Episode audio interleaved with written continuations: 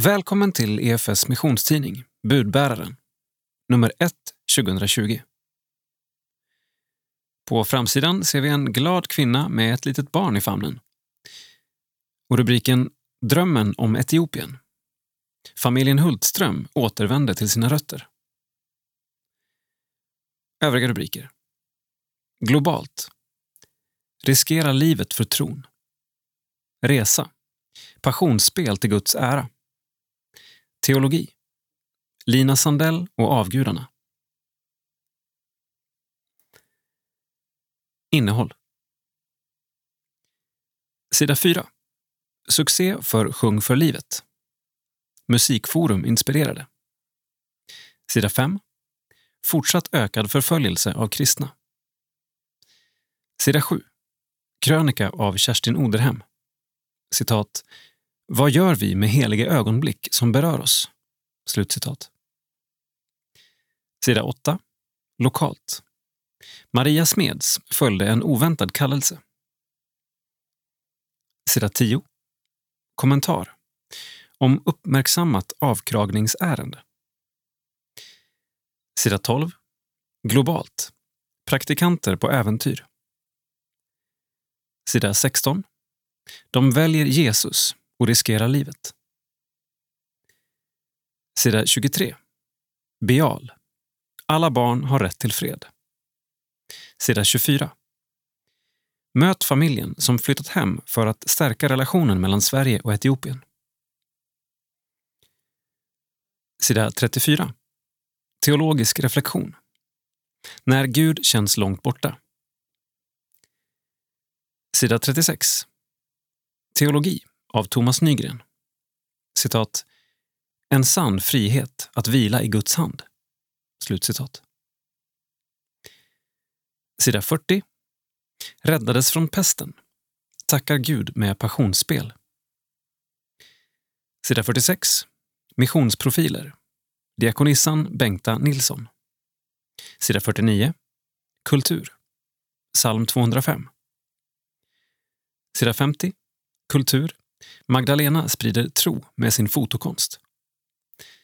Sida 52. Info. Nytt och aktuellt inom EFS och SALT. Sida 56. Beal. Biniam om barns rättigheter. Sida 58. EFS Region Västsverige. Sida 60.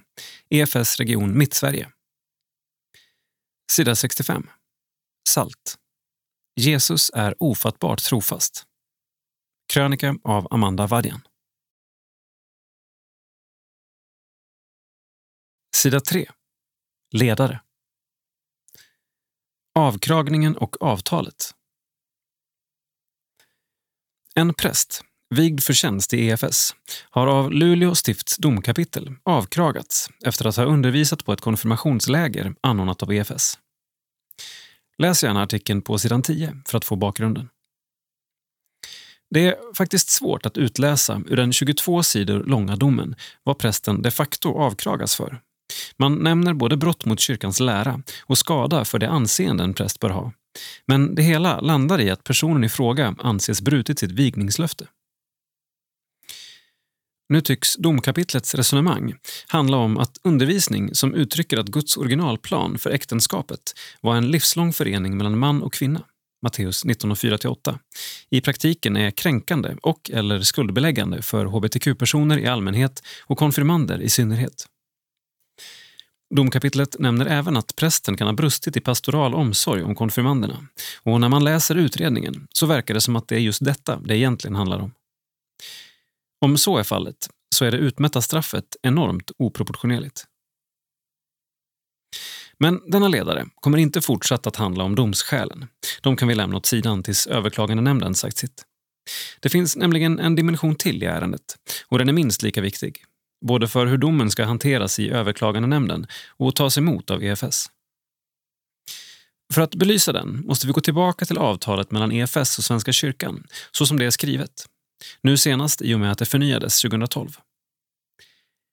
En och samma kyrka med full andlig enhet och solidaritet. Svenska kyrkan förklarade sig erkänna det arbete EFS bedriver som en del av kyrkans arbete och EFS bekräftade sin samhörighet med Svenska kyrkan. Mot den bakgrunden antogs vid 1990 års kyrkomöte respektive årskonferens en överenskommelse mellan Svenska kyrkan och EFS angående prästvigning för tjänst inom EFS. Överenskommelsen innehöll som ett grunddrag de principer som fortfarande gäller. Till exempel ansvarsfördelningen när det gäller prövning, vigning och tillsyn. Och beträffande just tillsyn så står det tydligt väcks hos domkapitlet fråga om att pröva behörigheten att utöva uppdraget som präst för person vigd för tjänst inom EFS ska yttrande alltid inhämtas från EFS styrelse. Vid EFS styrelsemöte den 8 i andra framkom att den regionala missionsledaren i Norrbotten fått muntlig information av domkapitlets ordförande som med hänvisning till sekretessen hållit den synnerligen allmän. Likaså blev missionsföreståndaren kontaktad efter det att domen blivit offentlig och då utifrån att EFS uttryckt sin åsikt i media. Men inget yttrande har av domkapitlet begärts från EFS styrelse. Ingen annan kontakt har heller tagits med styrelsen eller någon av dess företrädare. Detta betyder att Luleå stift har valt att helt bortse från Svenska kyrkans avtal med EFS. Följdfrågorna blir många. Den kanske viktigaste blir var det ett medvetet val eller byggde det på okunskap? Men om så, borde inte stiftsjuristen ha kunskap om gällande avtal? Denna situation handlar om mycket mer än en enskild prästs rätt att få utöva sitt ämbete. Den berör förutsättningarna för EFS att verka som inomkyrklig rörelse med full vigningsgemenskap med Svenska kyrkan. Därför avvaktar vi överklagande nämndens beslut och hoppas och ber att denna skada med hast ska få läkas. Johan Eriksson, chefredaktör. Sida 4. Kort nytt. Succé för psalmgala. Sjung för livet drog fullt hus och satte nytt insamlingsrekord. Lutherska Missionskyrkans kör och stora orkester anordnade än en gång psalmgalan Sjung för livet. Det var fullsatt i Johannebergskyrkan och hela 143 000 samlades in till EFS biståndsarbete Afrikas svälter. En storslagen psalmovertyr inledde programmet med den svenska psalmskatten i fokus. Några i publiken sa att den här kvällen var en dyrbar skatt som de kommer bära med sig länge, länge, säger dirigenten Sven Fridolfsson. Konferencieren Rebecka Bramsved säger så här om de insamlade medlen som i huvudsak kommer att gå till EFS samarbetspartner Varsan i Somaliland. Varsan vill skapa värdiga, hållbara levnadsvillkor och nu vill de komma igång med basal mödra och barnhälsovård. För mig som barnläkare känns detta extra angeläget. Barn under fem år dör ofta av sjukdomar som är billiga att behandla och vaccinera mot. Inspirerande musikforum i Umeå. Ett 70-tal musiker från EFS, Svenska kyrkan och Ekumeniakyrkan samlades till fortbildning på Musikforum 2020 i Umeå. Musikforum har tidigare arrangerats av EFS Riks, men den här gången var det EFS Västerbotten som arrangerade. Från Stockholm i söder till Kalix i norr anslöt cirka 70 musiker. Helgen bestod av föreläsningar, seminarier, nätverkande, konsert med gospelkören Messengers samt en musikgudstjänst med blåsorkester. Vi har fantastiska musiker i kyrkorna och det är viktigt att de får samlas, inspireras och fyllas på med arbetsglädje. Det var ett härligt sål runt fikaborden, säger EFS Västerbottens musikkonsulent Birgitta Bergner och fortsätter I alla våra kyrkor, föreningar och bönhus sjunger vi. EFS har också ett fantastiskt arv när det gäller musik och ett ansvar att föra det vidare. Musiken berikar våra gudstjänster och den bär också många av oss på trons vandring genom livet.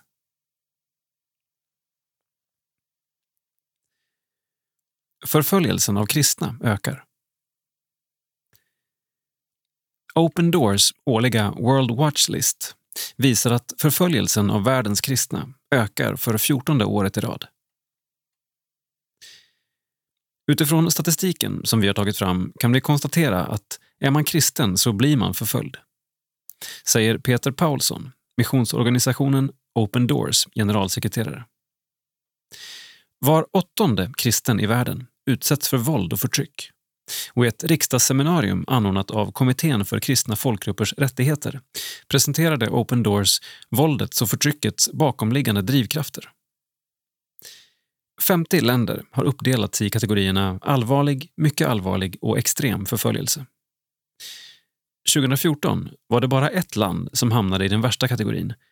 Nu har det ökat till 11. Nordkorea och Afghanistan hamnade högst upp på årets lista. Länderna har helt olika drivkrafter för förföljelse. Postkommunistiskt respektive islamistiskt förtryck. Det visar också att förföljelsen kan se annorlunda ut och drabba befolkningen på olika sätt, säger Peter Paulsson. En av trenderna som rapporten lyfte var minskningen av kristna i Syrien och Irak. 87 procent av Iraks kristna har lämnat landet. Liksom två tredjedelar av de kristna i Syrien. Trots att statistiken om våld och förtryck mot världens kristna är alarmerande är det en nyhet som media sällan lyfter. Menar Mike Hanna som arbetar på Salt Foundation som är Open Doors samarbetspartner i Mellanöstern. Det som hindrar västvärlden från att stå upp för kristnas utsatthet i Mellanöstern är olja och pengar. De skulle behöva betala ett högt pris för att sanningen ska nå omvärlden, säger han. Övriga trender som lyfts fram i listan är ökningen av militant islamism som sprider sig till svaga afrikanska stater söder om Sahara samt över Syd och Sydostasien. En organiserad brottslighet som sprider sig i Latinamerika samt ökad förföljelse genom digital övervakning. De elva länderna som har en extrem nivå av förföljelse. Poäng av 100 möjliga där 100 är värst. 1. Nordkorea 94. 2. Afghanistan 93. 3. Somalia 92. 4. Libyen 90. 5. Pakistan 88. 6. Eritrea 87. 7. Sudan 85. 8. Jemen 85. 9. Iran 85. 10. Indien 83. 11. Syrien 82. Se den fullständiga listan på open-doors.se. Sida 7. Krönika. Jag önskar att jag fick leva berörd. Att jag fick samla på erfarenheterna.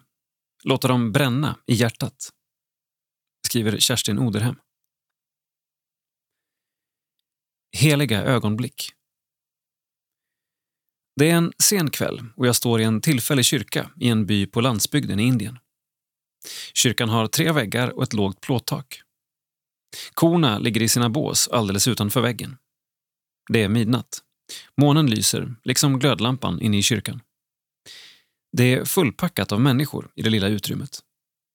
Lovsången och bönen pågår när vi kommer in för ett kort besök. De har väntat på oss länge.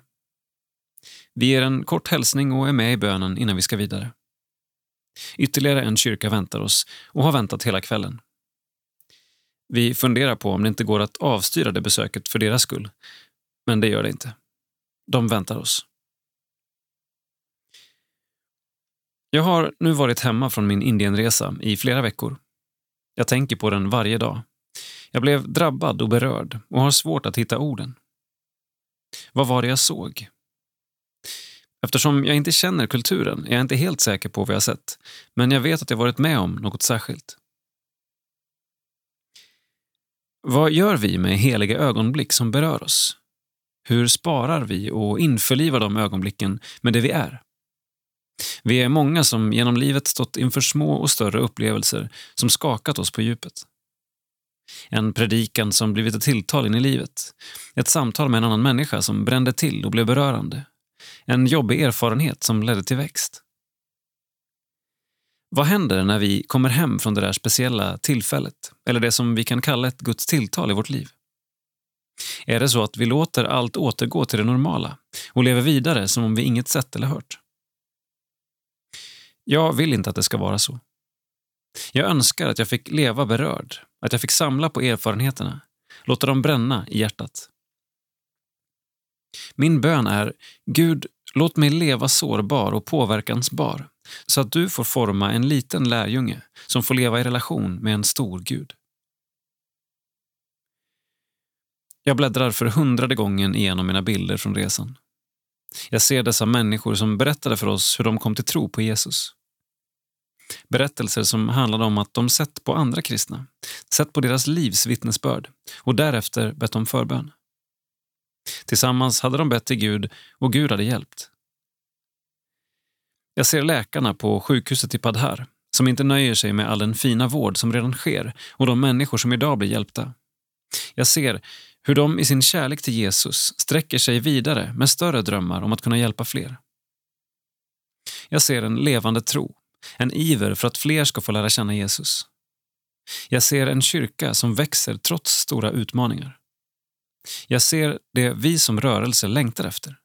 Människor och samhällen förvandlade av Jesus. Kerstin Oderhem, missionsföreståndare EFS. Sida 8. Lokalt. I försoningens tjänst. EFS Nord Sápmi är EFS nyaste grupp som verkar uppe i nordligaste Sverige, Kiruna kommun.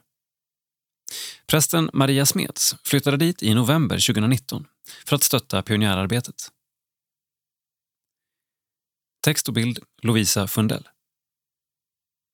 Maria Smeds bodde i mellersta Sverige och verkade som musikmissionär-inspiratör på EFS rikskansli när Gud plötsligt kallade henne till den nordligaste delen av Sverige, Sápmi. Det är ett samiskt ord för det landområde i norra Skandinavien samt delar av Ryssland där många samer bor. Jag satt hemma vid mitt köksbord sommaren 2018 när jag hörde Gud säga “Jag ska besöka samerna”. Fantastiskt, tänkte jag. Men varför sa Gud det till mig? Jag hade ingen koppling till samerna eller Nordsverige på något sätt. På sin höjd hade jag besökt Luleå, men inte varit längre upp än så. Maria beslöt sig för att ringa upp Ola Bergdahl, en gammal studiekamrat från tiden då hon hade pluggat till präst på Johannelund. Hon visste att han var same och hade efter Guds ledning valt att flytta tillbaka till sin hemby Badje Sopar för att arbeta med samerna. Maria ville stödja den kallelsen, så de började be via en gruppchatt och flera ville vara med och be för det som skulle ske framöver. Maria tänkte att hon skulle besöka Kiruna kanske en gång i månaden och utöver det be hemifrån. Men tji fick hon. I maj 2019 startade vi EFS Nordsápmi med lekmannaengagemang och i september kände jag att det var dags att flytta dit. Jag har alltid känt mig kallad att plantera nya kristna gemenskaper men inte ens i min vildaste fantasi kunde jag tänka att det skulle bli i Sápmi. Nu bor Maria i byn Övre Soppero och EFS-gruppen Nord Sápmis verksamhet spirar. De samlas till bön varje torsdag och snart ska de även börja med TC-kvällar en gång i månaden tillsammans med Svenska kyrkan. Deras föreläsningskvällar om väckelsehistorien i området hålls återkommande och har varit välbesökta. Det är viktigt för oss att signalera att vi vänder oss till alla i området. Därför affischerar vi gärna på både samiska och svenska. Samerna har historiskt sett varit med om många övergrepp som folkgrupp och är det än idag. Med vår närvaro vill vi vara en enande och helande gemenskap. Maria berättar att flera som hon möter blir rörda av att höra hur hon under smått dramatiska omständigheter flyttade upp. Hon hoppas att EFS-gruppen kan bidra till en mer levande och lovsjungande svensk kyrka i Nordsverige. Men den stora visionen är att få se väckelse i Sverige och att verka för Gud i den nordligaste porten. Maria Smeds. Ålder 44. Firar sin 45-årsdag med kalas den 9 maj och välkomnar alla läsare till firandet. Mer info via EFS Nordsapmi på Facebook. Familj. Ensamstående. Fritidsintressen. dans, folkdans och lindy hop. Språk. Jag ska försöka lära mig nordsamiska. Intresserad av Israel och judiska rötter. Favoritårstid? Sommar. Jag tycker inte illa om vintern och tycker om snö, men jag älskar solen.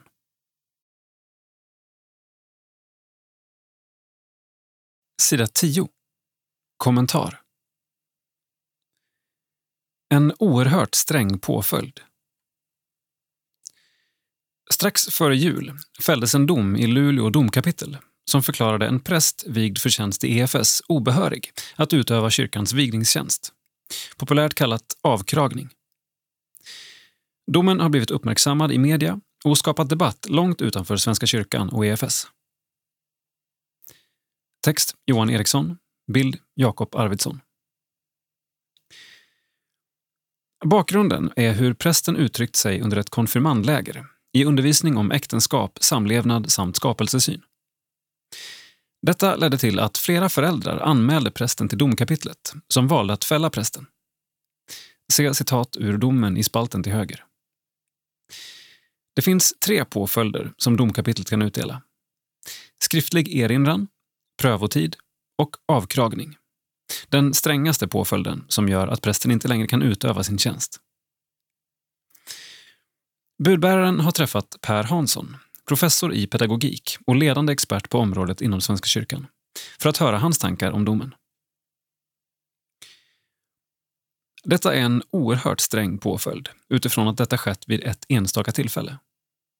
Det tycks ha varit ett pedagogiskt misslyckande, men det är inget upprepande beteende.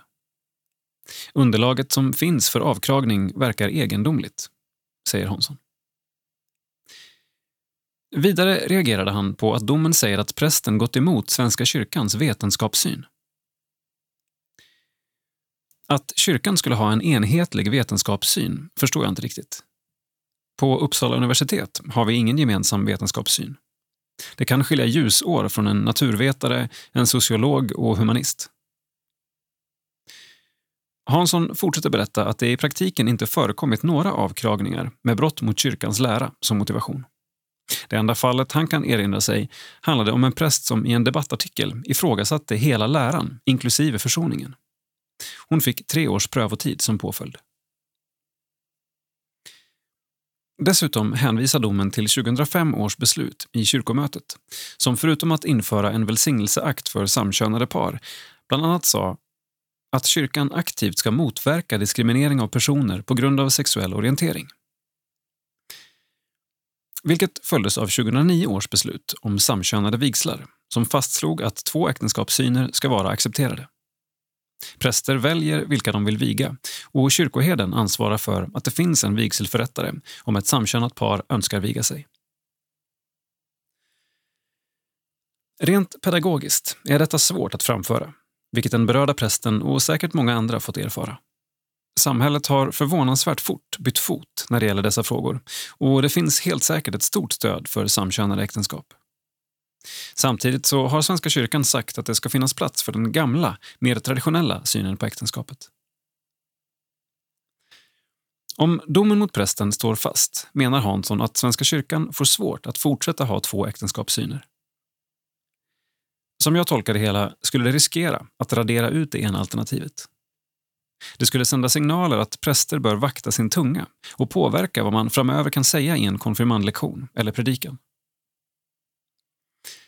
Domen är överklagad till Svenska kyrkans överklagandenämnd och ärendet kommer enligt uppgift att tas upp på deras sammanträde 27 mars.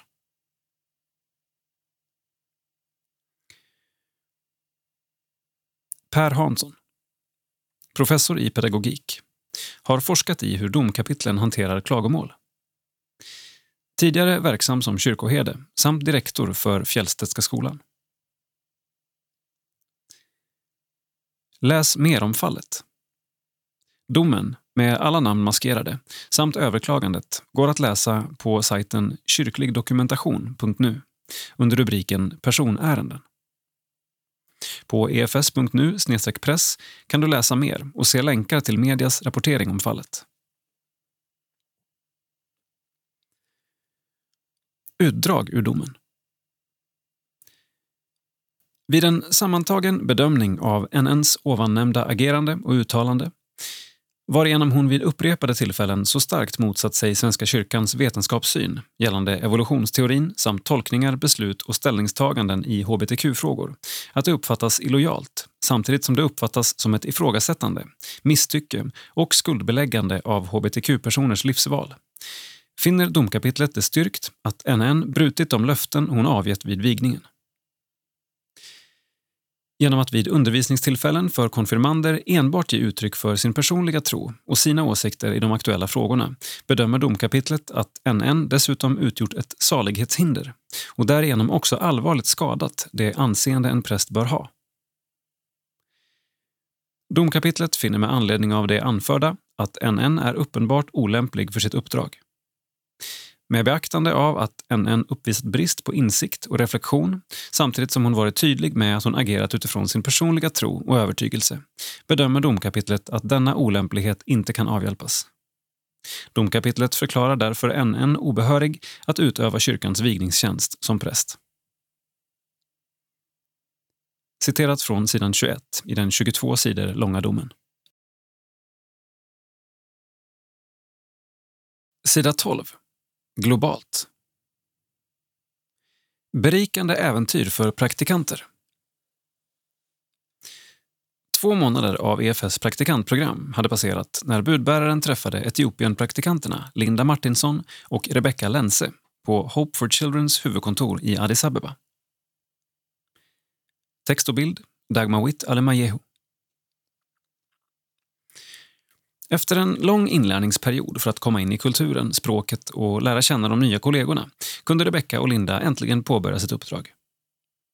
Praktikanterna, utsända av EFS, fick i uppgift att genomföra en utvärderingsstudie av Hope for Children in Ethiopias, HCE, inkomstgivande projekt bestående av bland annat yrkesutbildningar för unga människor som lever på gatan samt prostituerade. Vi intervjuade lärarna samt 25 killar och tjejer som deltagit eller deltar i de olika programmen. Sedan presenterade vi en studie för personalen där vi evaluerade organisationens strategier och metoder och föreslog sedan vissa förbättringar. De som deltar i programmen är ofta psykiskt tyngda av sitt förflutna och Linda önskar att HCE arbetade mer bearbetande i de enskilda samtalen. Något som inte prioriterades med tanke på kulturen, märkte Linda. Vissa livshistorier är tyngre att lyssna på än andra och vi märker att det finns många öppna sår, men tyvärr mindre utrymme för bearbetning. Man behöver nog prata om det förflutna, hur man påverkas av det och hitta en lösning för hur man går vidare. Samtidigt uttrycker nästan alla ungdomarna att de har fått hopp genom programmet i HCE, vilket är fantastiskt. Vissa som inte har fått ett jobb berättar att de har fått nya perspektiv på livet, sig själva och världen säger Linda. Rebecca uppskattar Hope for Childrens holistiska arbetssätt.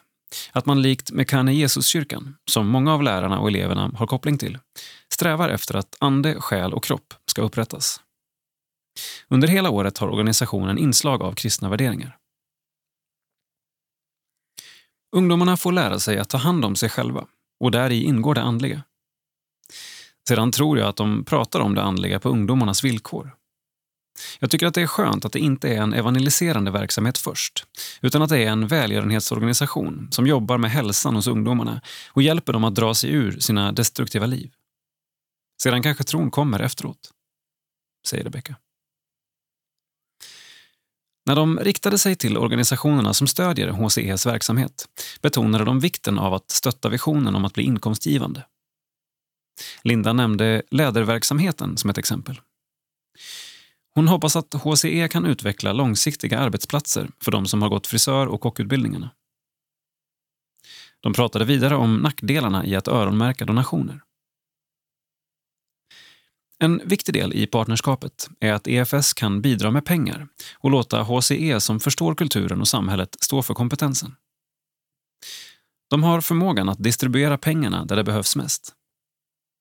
Ett konkret exempel på det fick vi se när Anna Claesson från EFS och missionären Elias Tranefelt under ett partnermöte ställde frågan “Vad vill ni göra?”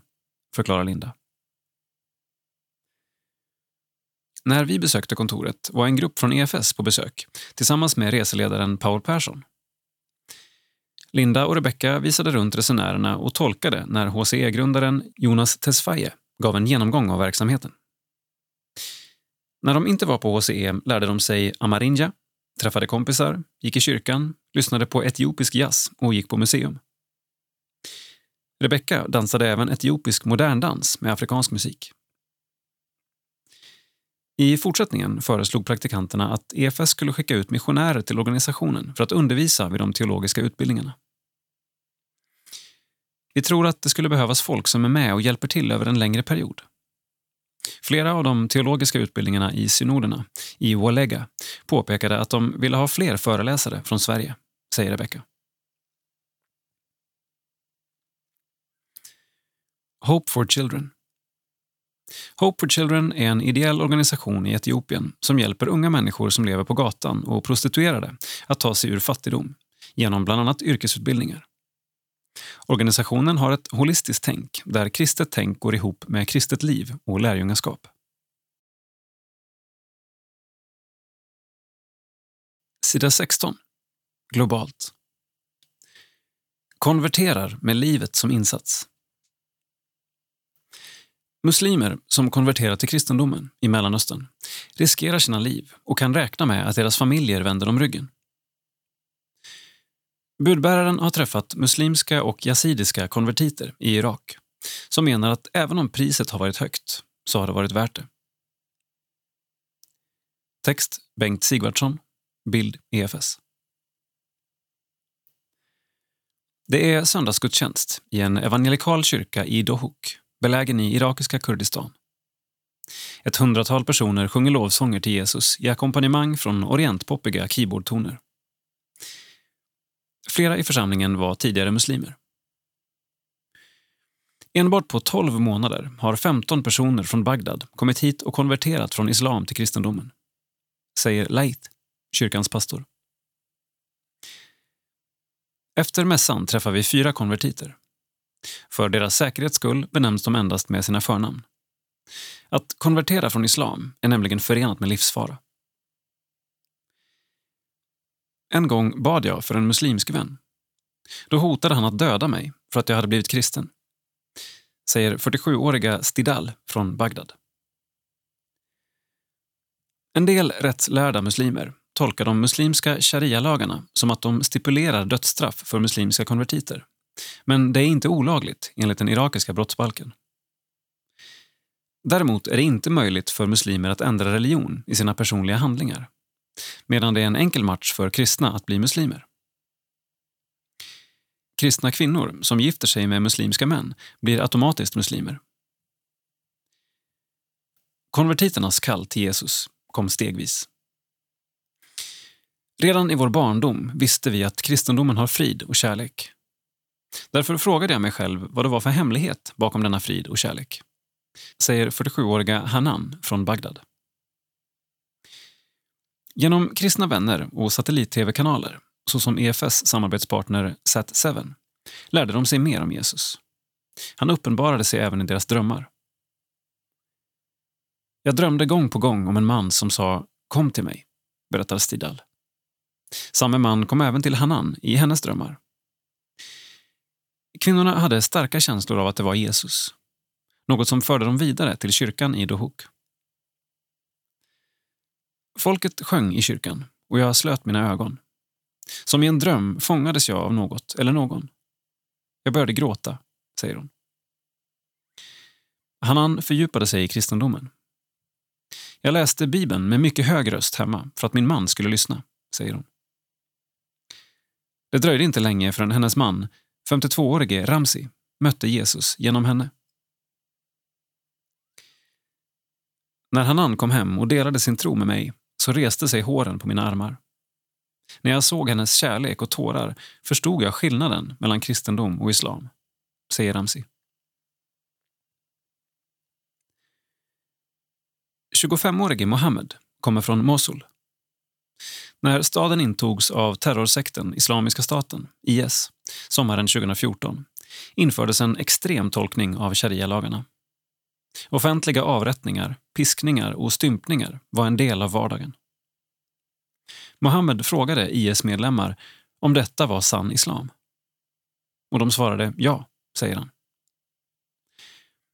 Detta fick honom att studera Koranen, där Jesus omnämns som profet.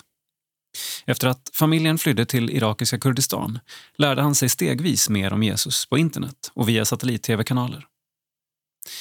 I början av 2018 kom han till kyrkan i Dohuk, där han blev frälst och döpt. Hans dröm är att sprida evangeliet vidare som programvärd på kristna satellit-tv-kanaler. Jag vill bli en stark evangelist som berättar om Jesus. Jag vill tjäna honom och bli som människorna på tv som pratar om Jesus och kristendomen, säger han. Hanan liknar sitt kall vid Johannes döparens. Jag vill vara en röst i vildmarken som lär om Jesus Kristus och hjälper folk till frälsning. Vi har sett Jesu ljus och vill att alla ska se det, säger hon.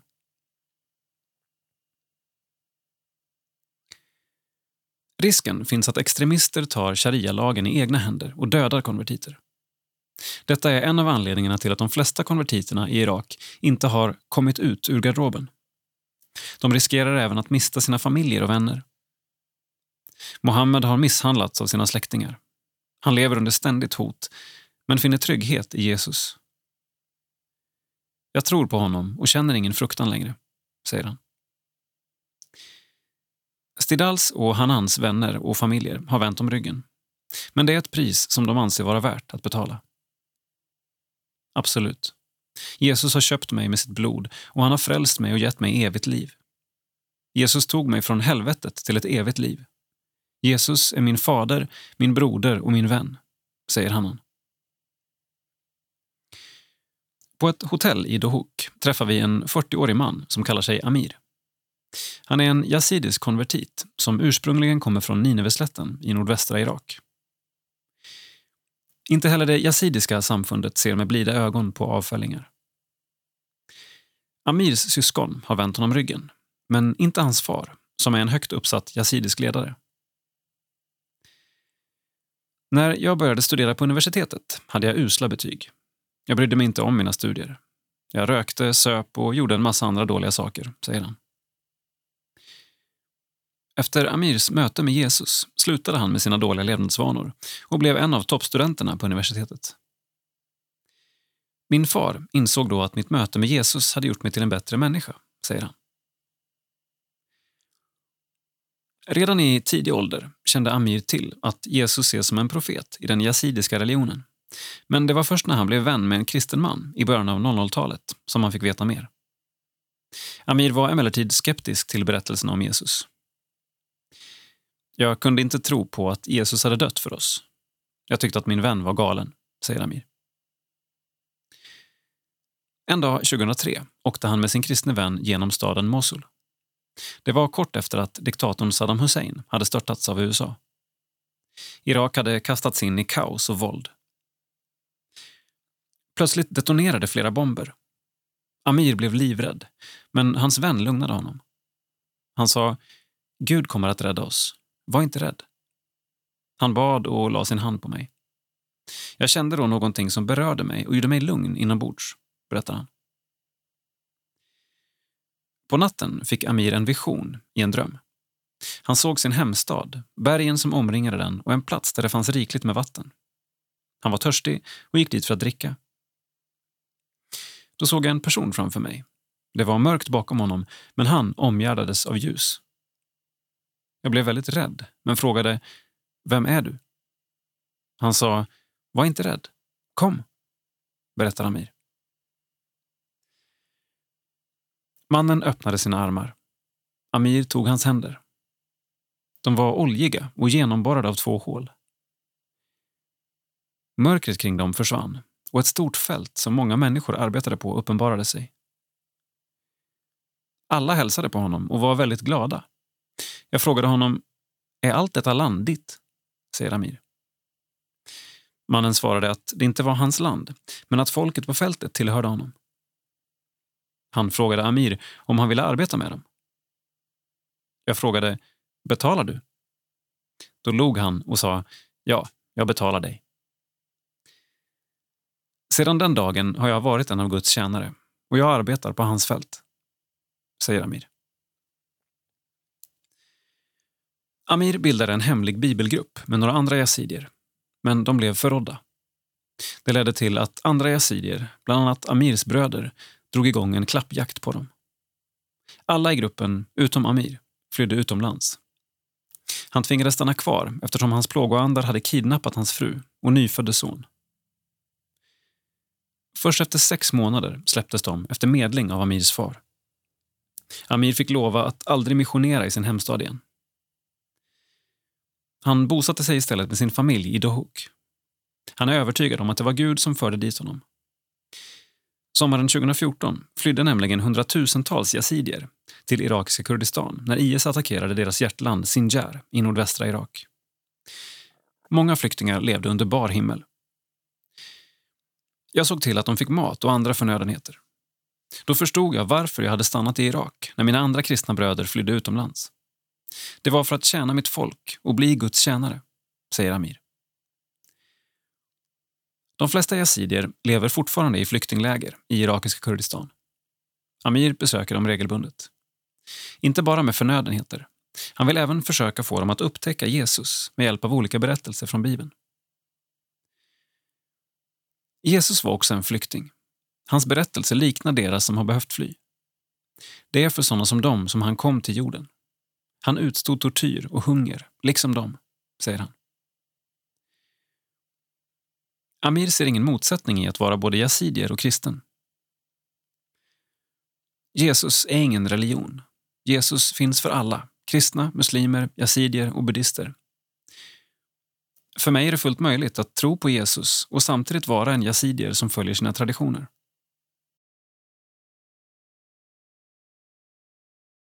Sida 23.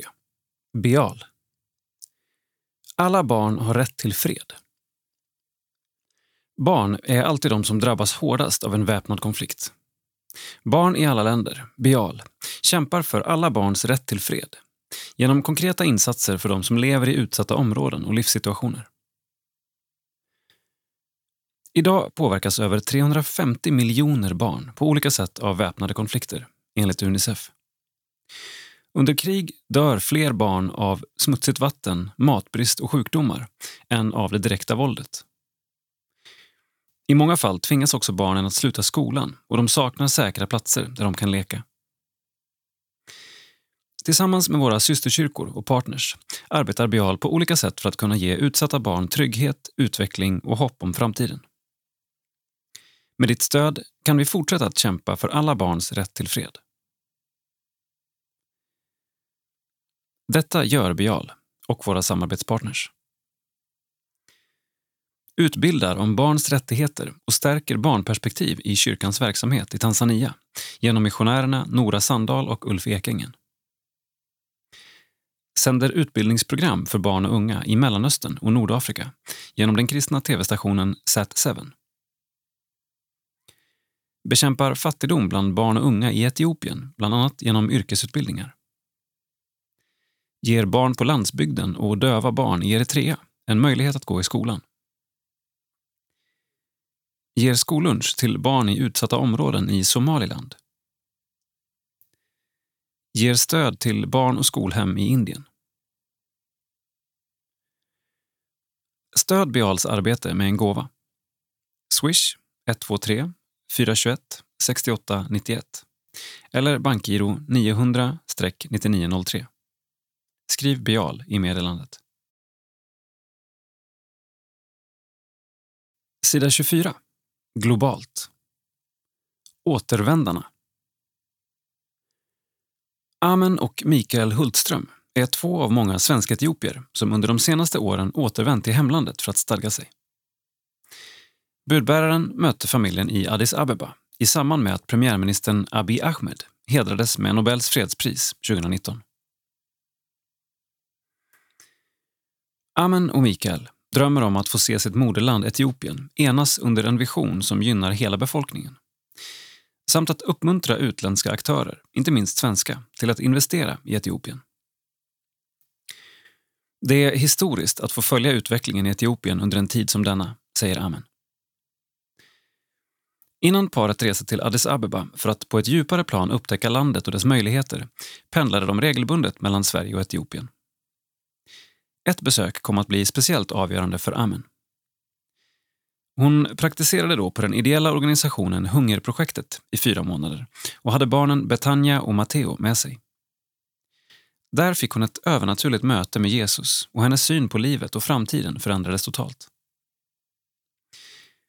Ungefär samtidigt fick Mikael ett gudsmöte hemma i Sverige och när Amen reste tillbaka till Stockholm växte konsultföretaget Soso, som kan översättas till att födas på nytt, eller frälsning på grekiska, fram över en sommar.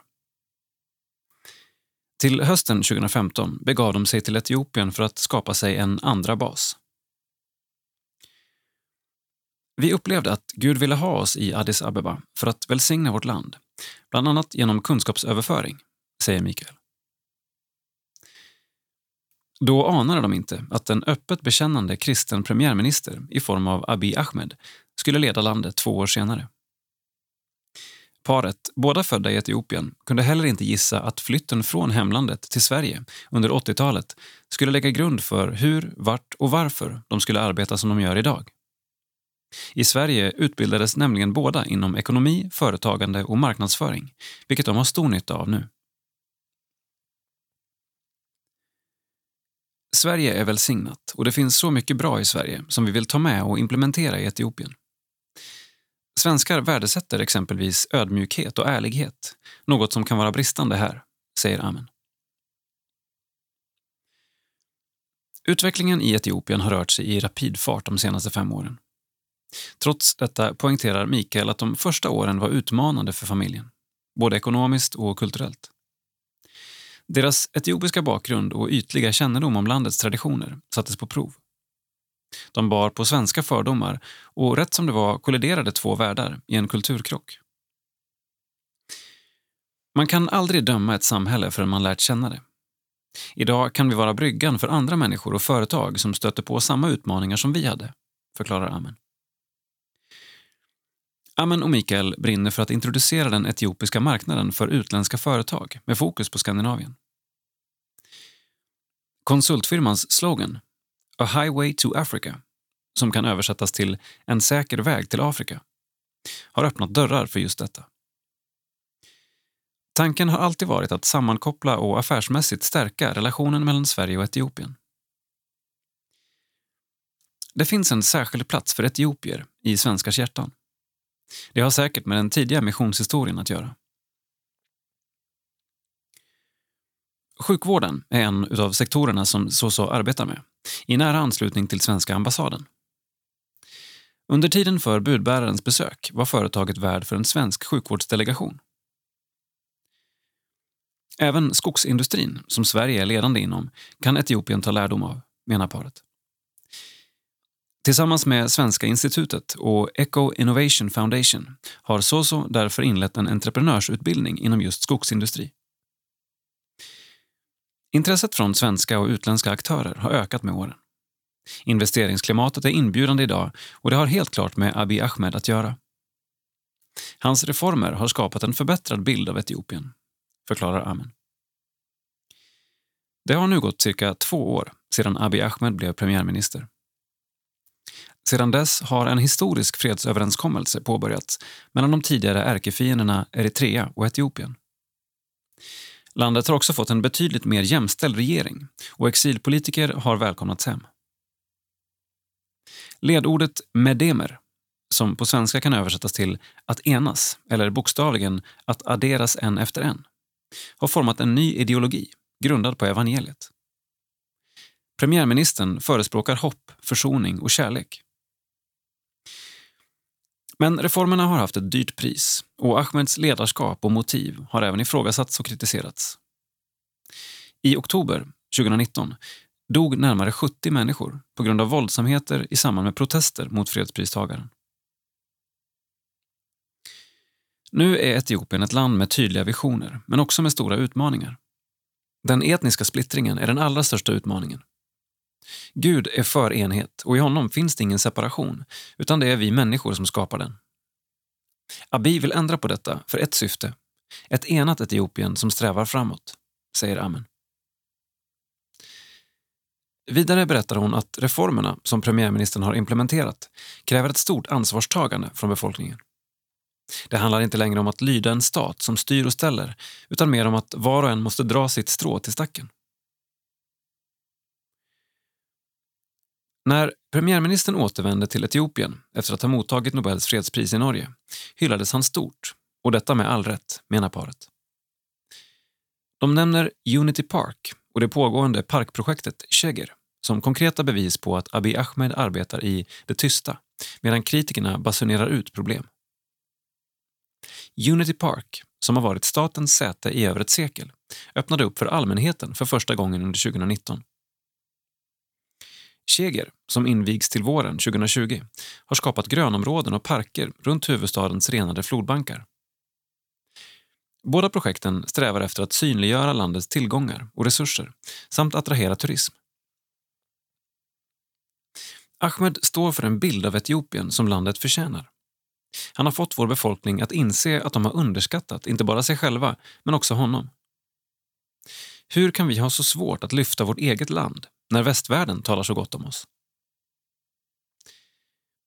Mikael menade att premiärministern har visat exempel på hur bra ledarskap ser ut i praktiken och hur det kan appliceras på samtliga samhällsnivåer. Idag väljer vi projekt med hjärtat och inte utifrån ekonomisk vinning. Som kristna ansvarar vi för att tänka på landets och befolkningens bästa och det kan man bara göra om man har Gud. Som resultat har vi sett en sådan favör i vårt företagande där vi har varit skonade från korruption, säger Mikael. Etiopiens befolkning består av 113 miljoner människor, folkräkning 2020, och medianåldern är 19,5 år. Den äldre generationen måste våga anamma en vision som för dem är totalt främmande. Och trots att långt ifrån alla ser framtidsdrömmen för landet tror Amen att den kommer att implementeras sakta men säkert. Förändring kräver tid och tålamod. Kanske får våra barn och den yngre generationen vara drivande i att se den utvecklingen som vi hoppas på och drömmer om. Tioåriga Betania och åttaåriga Matteo fick inleda sina studier i Addis Abeba i tidig ålder medan Amen och Mikael gjorde sig hemmastadda i landet. 2018 föddes familjens senaste tillskott, Rema. Utmaningen har varit att hitta en bra skola, idrottsaktiviteter och ett fungerande föreningsliv som vi är vana vid i Sverige. Ibland har vi känt att vi kompromissar på barnens bekostnad. Men vi har lyckats förse dem med allt de behöver och vi är ofta hemma i Sverige. Så barnen får det bästa av båda världarna, säger Amen. Familjen bor i Chola, bara ett stenkast ifrån en livlig marknad. Föräldrarna har valt att inte ha tv, men ändå är det en kamp om att begränsa Youtube-tittandet för barnen. Precis som för familjer i Sverige. På frukostbordet serveras svensk hushållsost och knäckebröd och det svenska språket talas flitigt. Både i Matteos och Betanias skolor finns ett litet samhälle där barn, föräldrar och lärare har nära kontakt. De flesta eleverna har en liknande internationell bakgrund och kommer från relativt privilegierade familjer. Under helger umgås familjen ofta i den inhägnade och medlemsbaserade Zebu Club som ligger i International Livestock Research Institute. På söndagar firar familjen gudstjänst i Beza International Church och de är överens om att deras kristna tro har varit avgörande för de möjligheter och dörrar som har öppnats upp. Vi är varken utvandrare eller lokala till fullo, utan vi lever i vår egen trygga bubbla och det är mycket tack vare Gud. Allt är otroligt gudscentrerat här och det hjälper oss att fokusera på vårt uppdrag. Amen och Mikael Hultström. Ålder 39 och 41 år. Familj. Barnen Betania 10 år, Matteo 8 år och Rema 1 år. Bor i Etiopien och Sverige. Sysselsättning. Driver konsultföretaget Soso vars mål är att hjälpa skandinaviska och utländska företag att etablera sig på den etiopiska marknaden. Drömmer om att se ett enat Etiopien byggt på kristna värderingar samt att öppna dörrar för svenska etiopier som vill investera i och bygga upp Etiopien. Sida 34. Teologisk reflektion. Vad gör jag när Gud känns långt borta? Det kristna livet kan vara underbart. Bönen kan kännas enkel och bibelläsningen lustfylld. Men det kommer också tillfällen när Gud känns frånvarande. Bönen blir som rop ut i tomma intet och mörkret tätnar. Vad gör jag då? Text Kristoffer Abrahamsson Illustration Benjamin Kruse. I Matteusevangeliet fördes Jesus ut i öknen av Anden för att sättas på prov av djävulen. Öknen kan uppenbarligen vara Guds verk. Vi kan ledas ut i öknen av Anden. Många kristna går från en passionerad kärlek till Jesus ut i någon form av öken, ut i mörker och andlig torka, för att sedan inte riktigt kunnat vända tillbaka till varken Gud eller den kristna gemenskapen. Ökenvandringen har blivit en ensamvandring. Bort från kyrkan. Bort från Gud. Hur gör vi för att inte hamna där? Hur tar vi oss ut ur öknen med tron i behåll? Resan ut i öknen gör att en kristen kan gå från en ganska säker tro till en mer tvivlande tro. Peter Halldorf beskriver det som dagar när ateismen öppnar sig som en avgrund i vår egen själ. Misstar vi oss kan ökenfärden tolkas som en resa bort från Gud. Men i själva verket är det en resa än närmre Gud. Tron blir på allvar. Frågor som Är jag värd att älskas? Kan mina synder verkligen förlåtas? Vem är jag egentligen? Finns Gud? Vad mättar min själ? kommer fram. Allt det där som vi velat lägga locket på poppar fram. All teologi som bara var plakat, men inte bottnat i mitt hjärta, rycks undan. Om jag inte med Guds hjälp kan hantera det riskerar öknen att bli mitt fördärv. Men om jag med Guds nåd kan konfrontera mina inre demoner, ofta orsakade av sår, synder och bindningar, kommer jag bli mer fri att kunna tjäna Gud. I öknen renas och prövas vi. Där ställs samma fråga som till Israels folk. Följer jag Gud av kärlek eller av egen kärlek? Precis som Wilfrid Stinisen talar om utifrån Johannes av Korsets erfarenheter. När det goda Gud ger inte längre kommer till mig fördjupas efterföljelsen. Jag kan inte längre följa Gud för vad jag får, utan måste börja följa och älska honom för vem han är. I det avklädandet kommer jag i kontakt med min andes fattigdom och erfar att det är de fattiga som är saliga. De som inte döljer sin fattigdom, sin ökenvandring, sitt mörker, utan står kvar och förtröstar på Guds styrka och inte sin egen. Det är de som är saliga. Ledord vi kan ta hjälp av i ökenperioder tror jag kan vara följande. 1. Jag är inte unik. Det finns ett högmod som tar olika klädnader men alltid förstärker vår självupptagenhet. Om vi inte kan vara bäst kristna kan vi vara sämst kristna. I öknen frestas vi att bli självupptagna istället för att befrias från vår inkrökthet. När vi inser att vi inte är unika, att vår ökenperiod inte är så spektakulär, kan högmodets grepp börja lossna. Ur den insikten föds också en ödmjukhet som gör att vi kan lyssna till andra som vandrat före oss i ateismens avgrund, i trons mörker.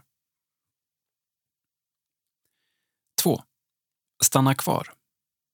I öknen frestas vi att vilja fly. De vanligaste flyktvägarna kan summeras i orden staden och döden.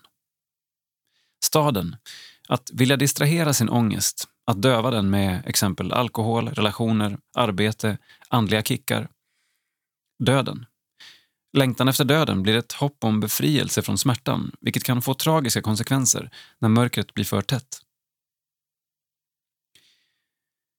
Rådet från de som varit i öknen lyder Fly inte, stanna kvar. Bosätt dig inte, men stanna kvar så länge Gud håller dig kvar. Men var uppmärksam. Även det goda kan vara en frestelse. Precis som James Martin talar om. Att bryta upp från en församling för att finna Gud i nästa och så vidare. Det är genom att stå kvar i min andes fattigdom som rötterna kan fördjupas och då kan jag börja dricka ur källor som jag tidigare inte kände till. 3. Fly till Gud. Det finns en viktig lärdom i öknen. Rosenius talar om skillnaden mellan tron på att Gud är frånvarande och upplevelsen av att Gud är frånvarande. Jag kan fortfarande tro på Guds närvaro när jag inte upplever den. Jag kan förtrösta på Guds löften även när jag inte ser dem. Jag kan lita på Guds omsorg även när jag tvivlar. Den som i andlighetens namn försöker konfrontera sitt inre mörker på egen hand kommer att förlora kampen mot mörkret. Enbart den som flyr till Gud kan segra. Precis som för Jesus. När mörkrets alla makter med full kraft riktar in sig på att förinta honom på korset vänder han ändå sitt ansikte mot Fadern och utbrister Min Gud, min Gud, varför har du övergivit mig? I öknen får vi stämma in i Jesu ord. I förvirringen som uppstår av att allt vi ser är sand, i osäkerheten på hur länge jag tvingas törsta och i den nattsvarta ångesten får jag också ropa Min Gud, min Gud, varför har du övergivit mig? För att sedan utbrista I dina händer, Herre Gud, lämnar jag nu min ande. Om vi lever med illusionen om att Gud beskyddar oss från allt mörker kommer vi fly från öknen. Men om vi inser att öknen, att Gud leder oss till mörkret och ensamheten, kan vara Guds verk, kommer vi erfara att vi i öknen gör de djupaste lärdomarna som enbart kan vinnas genom hård kamp. Det föds en insikt, inte om vår egen förträfflighet, utan Guds godhet.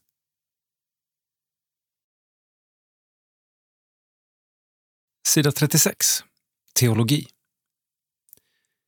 Lina Sandell och avgudarna. Det finns en sann frihet i att låta allt vila i Guds hand.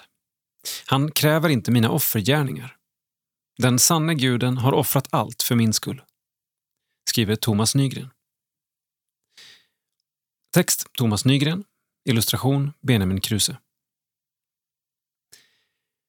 En av Lina Sandells mest kända sånger är Tryggare kan ingen vara psalm 248. Den har ibland uppfattats kontroversiell. Kanske lite oväntat för den som älskat och sjungit salmen från barnsben. Men det teologiska innehållet i framförallt vers 5 kan ses som riktigt provokativt. Vad han tar och vad han giver, samme fader han dock bliver. Och hans mål är blott det ena, barnets sanna väl alena. Invändningen har varit att den gudsbild som förmedlas visar på en gud som står bakom både gott och ont som en människa kan drabbas av. Blir det inte i så fall en gud som kan beskrivas som orsak till allt som händer? Har vi inte här en passiviserande, därmed också farlig gudsbild? Med denna typ av invändningar har mer än en präst och pastor valt att inte använda sig av denna klassiska psalm. Men en sådan tolkning, menar jag, missar vad Sandell ville uttrycka. För att vi ska förstå salmen bättre behöver vi närma oss den från ett annat håll. När Jesus får frågan om vad som är det största budet svarar han med orden Du ska älska Herren din Gud av hela ditt hjärta och med hela din själ och med hela ditt förstånd. Matteus 22.37. Det är ett citat ur den judiska trosbekännelsen, Shema Yisrael, som i sin ursprungsversion återfinns i femte Moseboken 6 och 4-9. Det var en effektiv och kort sammanfattning av judarnas tro. Som en tro på en enda gud som skulle älskas över allting annat. Ett stort hot mot Guds egendomsfolk i Gamla testamentet var avgudadyrkan. Att börja tillbe andra gudar. Och en avgörande orsak till att folket hamnade i felaktigt levande var att man avföll till andra gudar. I Nya testamentet nämns inte avgudarna lika ofta som ett problem, men egentligen finns samma sak där.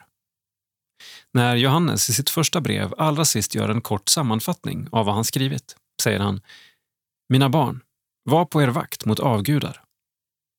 1 Johannes 5 och 21. Fastän han inte nämnt avgudar någon enda gång tidigare i sitt brev. Denna sammanfattning betyder att synden och de problem han beskrivit tidigare i sitt brev egentligen är olika aspekter av avgudadyrkan. Om vi däremot älskar Gud kommer vi att hålla hans bud. Därför har Luther bra på fötterna när han i sin sammanfattning av lagen låter det första budet, du ska inte ha några andra gudar vid sidan av mig, vara det centrala budet. Brott mot alla andra bud är i grunden ett brott mot första budet. Det är detta som ligger bakom hans geniala sammanfattning i Stora katekesen av vad det innebär att ha en gud. Din Gud kallas den eller det som du förväntar dig allt gott av och som du tar din tillflykt till när du är i nöd. Att ha en gud är alltså inget annat än att av hjärtat förtrösta och tro på den eller det som man sätter högst i tillvaron. Som jag ofta har sagt är det bara våra hjärtans förtröstan och tro som avgör vad vi har för Gud eller avgud. Slutsatsen från detta blir att alla våra synder djupast sett är avgudadyrkan. Det som styr mitt liv är i praktiken min Gud. Om jag till exempel ljuger för att rädda ansiktet betyder det att mitt eget rykte eller anseende är viktigare än något annat i just den situationen. Det är därmed i praktiken min Gud. Alla som är föräldrar är förhoppningsvis engagerade i sina barn. Men om mina barn blir de som ger mitt liv dess mening kommer det att lägga en oerhörd press på mina barn. En press som de antagligen kommer att uppleva allt för krävande. Det skapar en relation till barnen som inte heller jag som förälder mår bra av eftersom mina barn tvingas att bära bördan av att vara min funktionella gud, det vill säga det som jag hoppas på mer än något annat. Avgudar har dessutom en annan obehaglig egenskap. De har ingen nåd. De kräver alltid offer. Med andra ord leder avgudarna ofelbart till gärningslära. Att jag blir räddad, frälst, genom mina egna satsningar. Detta beskrivs bland annat av Paulus i Galaterbrevet när han säger att galaternas problem är att de vänt sig från den frihet de fått i Kristus tillbaka till de gudar som i verkligheten inte är några gudar utan tomma makter som förslavat dem. Galaterbrevet 4 och 8-10. Vad är då bästa avgudabekämpningen i våra liv? Det är här Lina Sandells Tryggare kan ingen vara kommer in i sammanhanget. Den salmen, liksom flera andra av hennes mest älskade sånger, har som grundläggande teologisk tanke att låta Gud vara den högste, den som har allt i sin hand. Vad han tar och vad han giver, samme fader han dock bliver. Gud är vår kärleksfulle fader. När han får vara min Gud kan jag vara trygg vad som än händer. Det som sker i mitt liv får då sina rätta proportioner.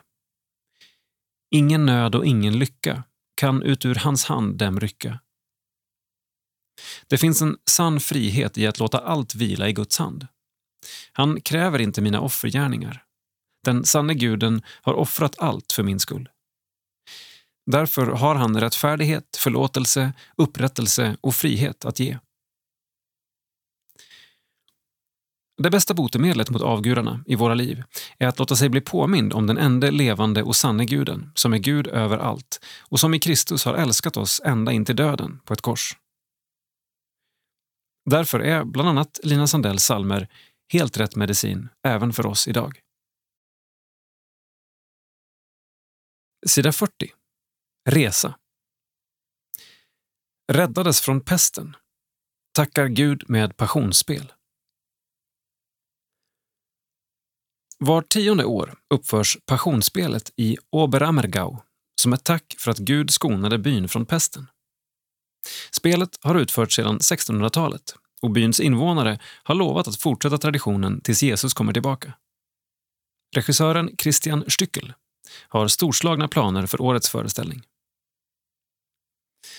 Vi ska inte bara illustrera Jesu fem sista dagar här på jorden. Vad ville han säga med sitt liv? Jesu budskap måste spela en större roll i Passionsspelet 2020. Tyskland, år 1632. 30-åriga kriget. Ett blodigt religiöst krig som utspelade sig i mitten av den europeiska kontinenten mellan protestanter och katoliker med motivet att vinna mark, makt och ära. Svenskarna stred för den protestantiska läran och i krigstågets spår gick pesten fram. Ännu var den lilla byn Oberammergau skonad från den fruktade svarta döden. Enligt sägnen vandrade en dräng vid namnet Kaspar Schisler över bergen för att hälsa på sin familj som bodde i Oberammergau och med honom följde också pesten. Två dagar senare dog Kaspar och ytterligare cirka 80 personer. Byn, som hittills hade skonats, samlades för att ropa till Gud om räddning. De lovade att om Gud räddade dem skulle de uppföra ett skådespel om hans död och uppståndelse vart tionde år fram tills Jesus kom tillbaka. Inte ett enda till dödsfall noterades efter det och 1643 uppfördes det första passionsspelet. Sedan dess har byn hållit sitt löfte, förutom två gånger när spelet inte kunnat genomföras på grund av yttre faktorer. År 2020 är det dags för det 42 passionsspelet. Sedan 1932 har man också satt upp pestspelet i anslutning till passionsspelet för att visa hur det gick till för nästan 400 år sedan när pesten intog byn och Gud grep in. 2019 uppfördes pestspelet och regisserades av Christian Stückel som även regisserar Passionsspelen. I en intervju med budbäraren berättar han att han gillar att förnya saker, men det är inte alla byborna med på. Oberammergau är väldigt traditionsbundet. Allt är tradition, tradition och ytterligare tradition.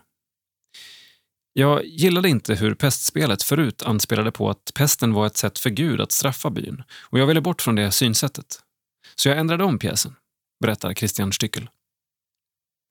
Christian ville visa det orimliga i att pesten var Guds straff. Så i en ny scen sprang en pojke upp på altaret i kyrkan och skrek ut sin smärta och sorg. Vilken gud är det som straffar gamla, barn och oskyldiga med pesten? En sådan gud vill jag inte tro på. Och sedan bröt pojken sönder korset. Men den förändringen gick inte obemärkt förbi. En av de katolska prästerna i byn startade en namninsamling mot regissören för att få honom utbytt och menar att Christian inte visade någon vördnad mot korset. Men Christian fick sitta kvar och i år ska han för fjärde gången regissera Passionsspelen. År 2010 drog Passionsspelen en halv miljon besökare till den lilla byn Oberammergau. I år kommer halva byn, över 2000 personer, medverka i skådespelet på något sätt. Från askonsdagen i mars förra året infördes det ett klipp och rakningsförbud för alla skådespelare, med undantag för de romerska och judiska soldaterna. Detta för att aktörerna ska passa in i sina karaktärer. Inga professionella skådespelare är tillåtna, utan bara invånarna i byn. Alla bybor som är födda eller har bott i Oberammergau i mer än 20 år har rätt att vara med om de vill. Hela byn andas passionsspelen. Oberammergau är egentligen en rätt tokig by. Vi måste ju ha folk som kan sjunga och spela, så därför satsar byn enorma resurser på musikövningar för unga. Jag tränar byn i teater en gång om året för att kunna ha skådespelare varje nytt årtionde, säger Christian. Alla generationer i byn arbetar för att kunna uppföra det berömda passionsspelet. Christian är noggrann med att betona att spelet inte är katolskt utan att det tillhör byn. Men så har det inte alltid varit. Fram till 1990 var man enligt reglerna tvungen att antingen vara katolik eller protestant för att få en roll i spelen. Men i praktiken skulle man vara katolik. Kristoffers egen farfar var nära att få rollen som Jesus, men en präst i byn hävdade att Jesus var katolik och därför skulle spelas av en sådan. Kristoffers farfar var gift med en protestant och fick istället rollen som översteprästen Kajafas. Under en repetition år 2000 övade en barnkör inför spelen. Christian hörde en ljuv barnstämma och tog fram pojken som sjöng och frågade vem han var. Pojken hette Abdullah och kom från ett muslimskt hem. Han fick vara med och sjunga i pjäsen. Under sin uppväxt blev han allt mer intresserad av teater och idag är han andre regissör för Passionsspelet, berättar Christian. I år är det dags igen. I maj börjar spelen och de pågår till i början av oktober. För många är Passionsspelet ett minne för livet och många reser från Sverige för att ta del av denna historiska tillställning.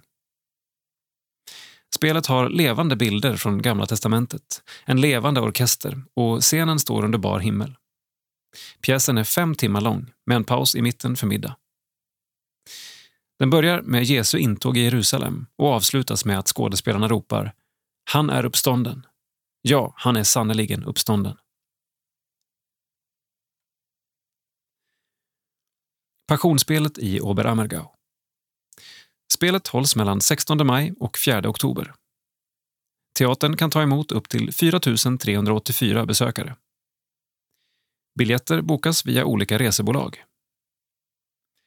Spelet uppfördes första gången 1634 och byborna har lovat att fortsätta med detta fram tills Jesus kommer tillbaka. Sida 46. Missionsprofiler. Bengta Nilsson. I vår serie om kvinnliga missionsprofiler får vi här möta diakonissan som hjälpte sjuka i tre världsdelar. Text Martin Nilsson, bild EFS arkiv. Diakonissan Bengta Nilsson kom från Sniberup i Skåne. Där fick hon från tidig ålder lära sig innebörden av ansvar. Familjen levde under knappa förhållanden och var bara en generation från fattighuset där pappa Nils växte upp. 1866 skrevs Bengta in på Ersta diakonianstalt. Där utbildades hon till sjuksköterska och senare diakonissa. I Stockholm arbetade hon vid Diakonianstaltens lilla sjukhus med åtta sängar, men också ute bland hungrande barn, misshandlade kvinnor och försupna män i Stockholms slum. Bengta skrev Aldrig kan jag förstå varför kararna räknas som mer än oss kvinnor. Om det var några som höll ihop familjerna, höll efter smutsen och ohyran, månade om barnen och lyssnade på Guds ord, så var det kvinnorna. Aldrig ska jag då gifta mig, tänkte jag många gånger när jag dödstrött stapplade hem efter arbetsdagen. Hon reste ut med missionsskeppet Angarius som missionsbrud för att gifta sig med Per-Erik Lager den 22 november 1875. Med på samma resa, som gick via den nybyggda Suezkanalen, var Emily Lundahl, Rosa Hagen och Bengtas studiekamrat, den andra diakonissan Beata Andersson. Visst hade det gjorts vissa ansatser till sjukvårdsarbete i Eritrea tidigare, men det var först i och med Bengtas och Beatas ankomst som det gjordes på allvar. Det blev inte så lång tid Bengta fick verka som sjuksköterska. Men det är imponerande att läsa när hennes make i ett brev den 23 december 1875 berättar om de sjukdomar hon behandlade i Eilet ett halvår efter ankomsten i slutet av maj. Av de sjuka som sedan Bengtas, min kära makas, ankomst varit i hennes vård, såväl i Abessinien som i Eilet, uppgår antalet till 374. De olika sjukdomar dessa haft är 51. 10 hava ansiktsvärk, 5 akut magkatarr, 4 benbrott, 6 benröta, 2 barnsängssjukdomar, 2 blodbrist, 2 bleksot, 7 brännskador, 2 äggvitesjuka, 35 ögonsjukdom. Av dessa hava två dött. Om sjukvården kan sägas att den vinner mer och mer ett glädjande erkännande bland infödingarna.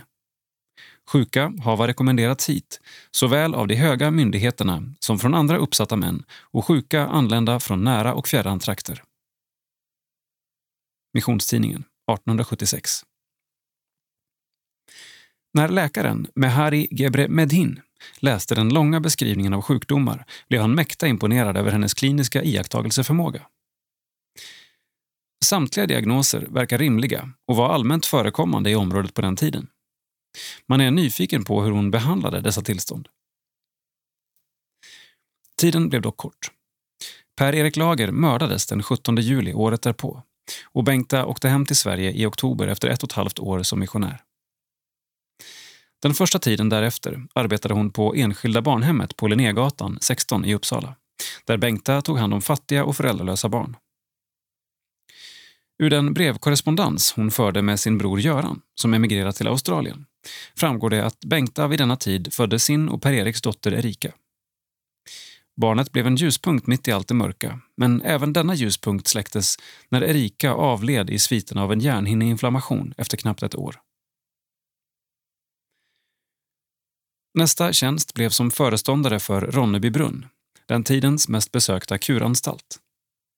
Men det blev bara en kort tjänst. Hon drömde som många andra om Amerika. Flera orsaker kan ligga bakom Bengtas därpå följande emigration till Amerika. För det första var flytt till Amerika vanligt. Över en miljon svenskar emigrerade till USA mellan 1860 och 1930. Därutöver bodde två av hennes syskon där och ett tredje skäl kan vara att hon behövde starta om på nytt. I Chicago bytte hon namn till Benedicta, tog en medicinsk examen 1885 vid Hahnemann Medical College i Chicago.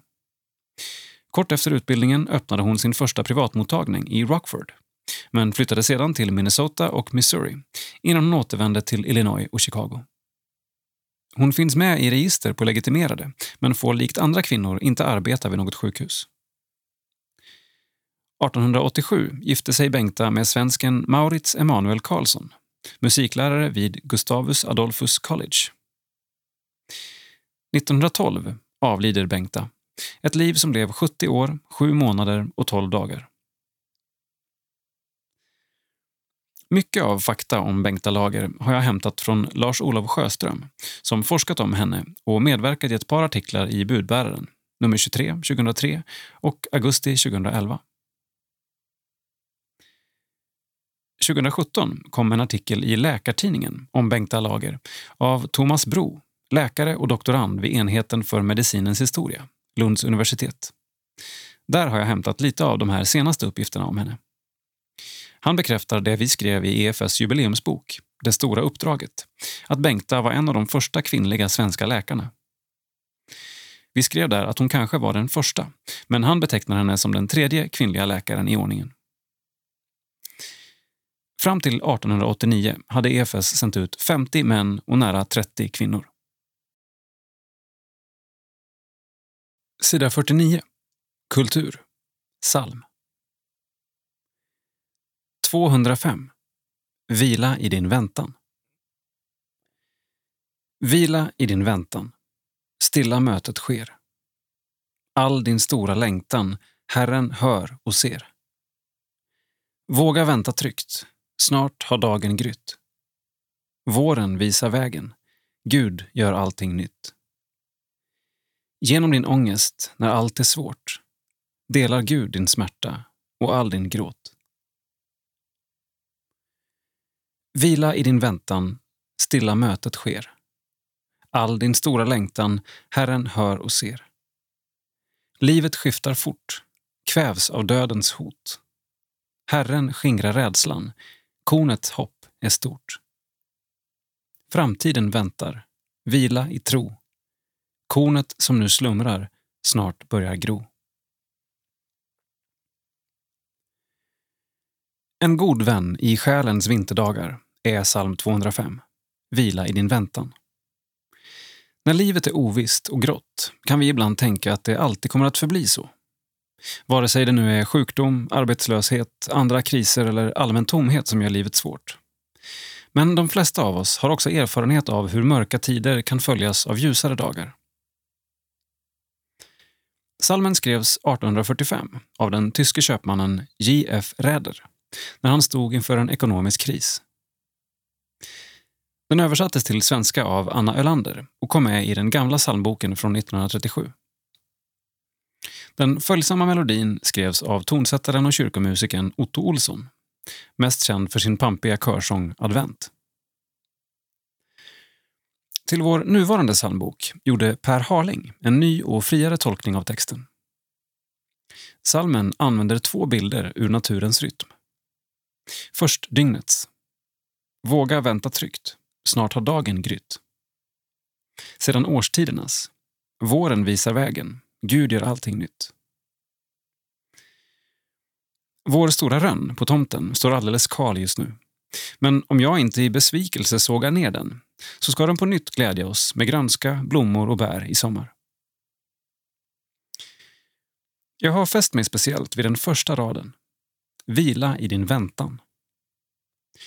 Vad ville Per Harling säga oss med den?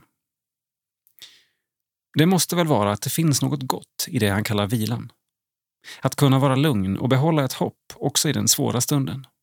Att tänka att med tiden kommer en lösning, även om jag inte kan se den just nu.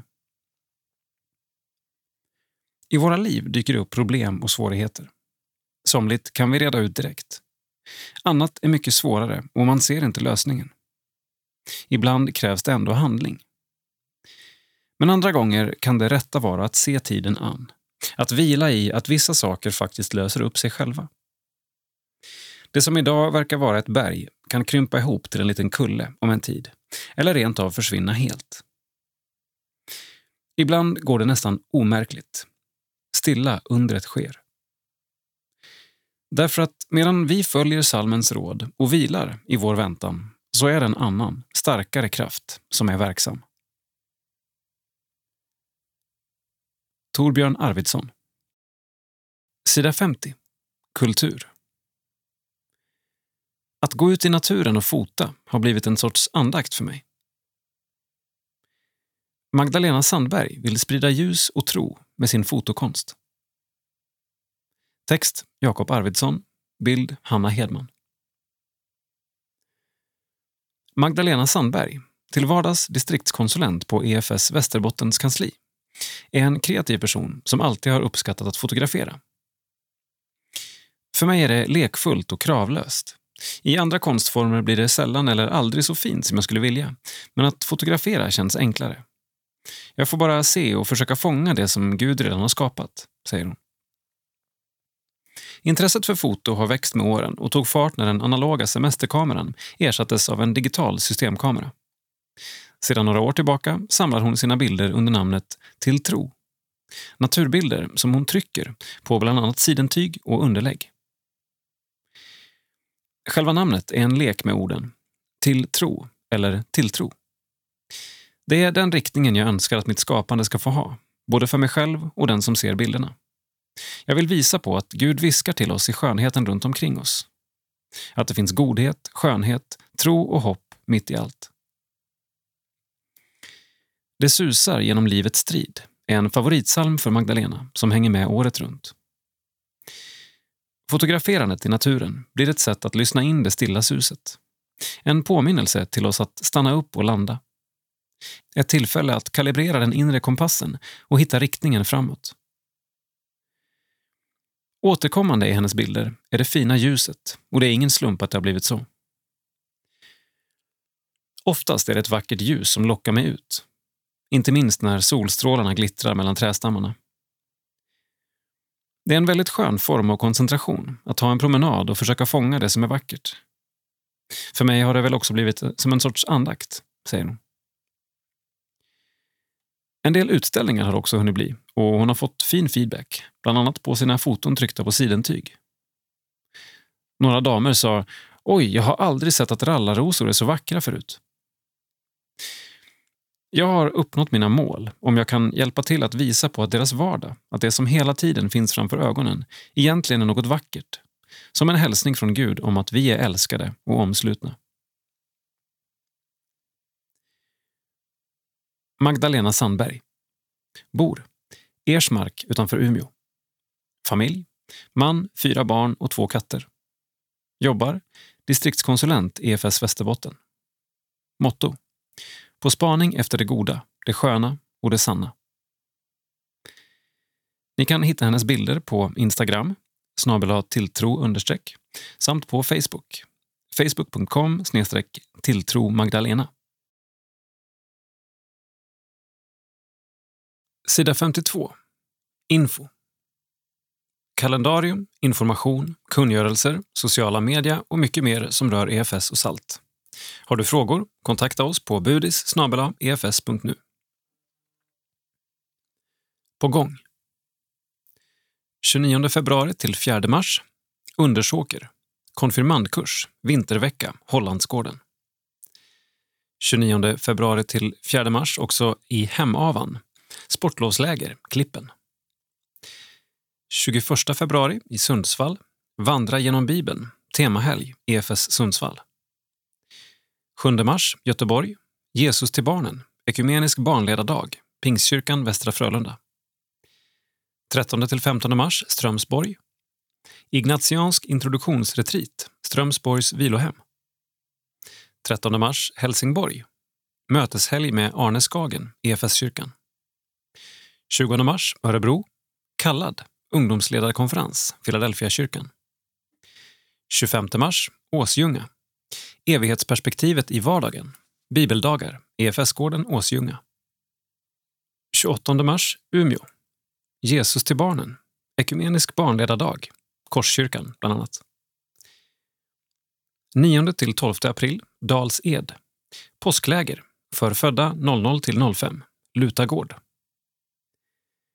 9 till 13 april, Hemavan. Tillsammansläger 1, Klippen. För mer information, se respektive regions hemsida.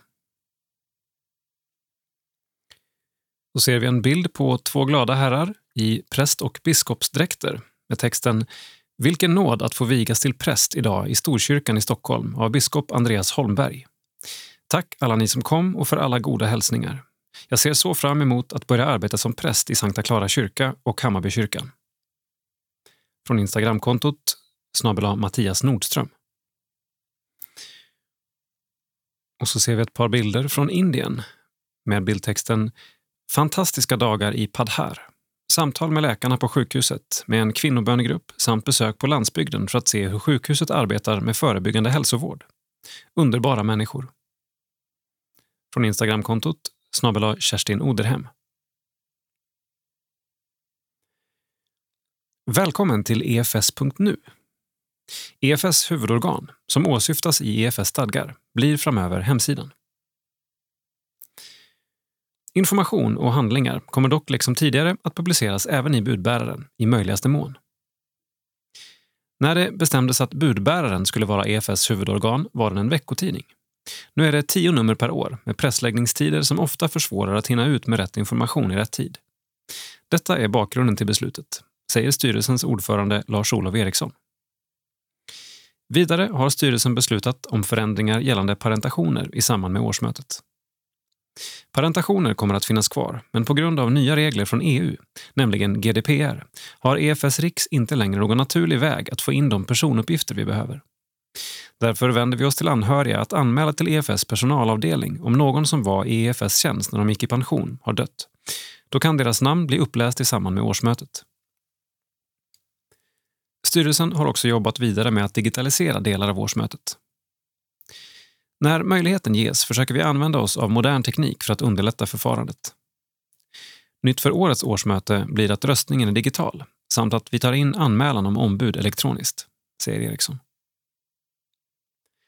De inkomna motionerna inför årsmötet går att hitta på efs.nu organisation stadgar och dokument.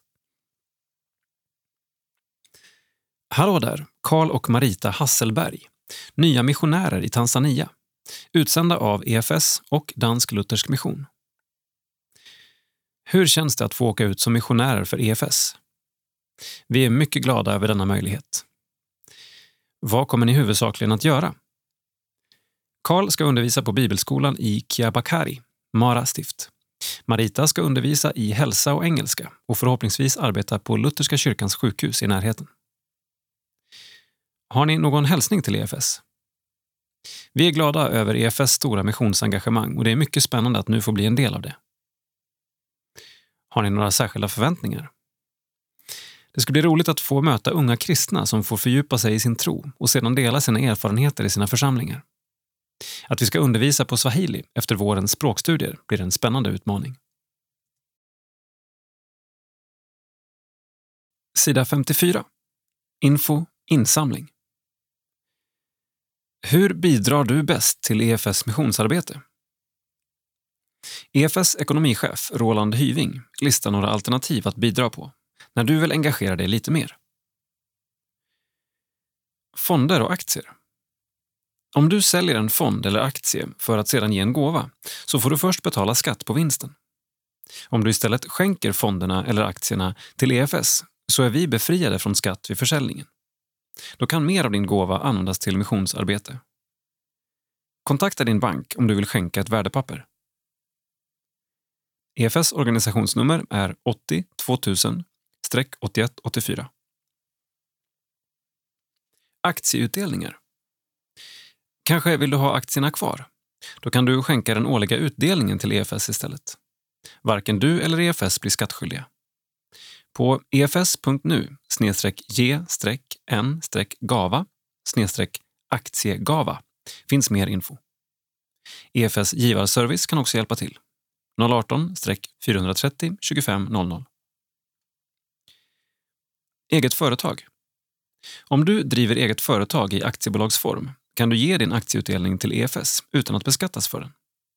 Du bestämmer själv hur mycket du vill ge.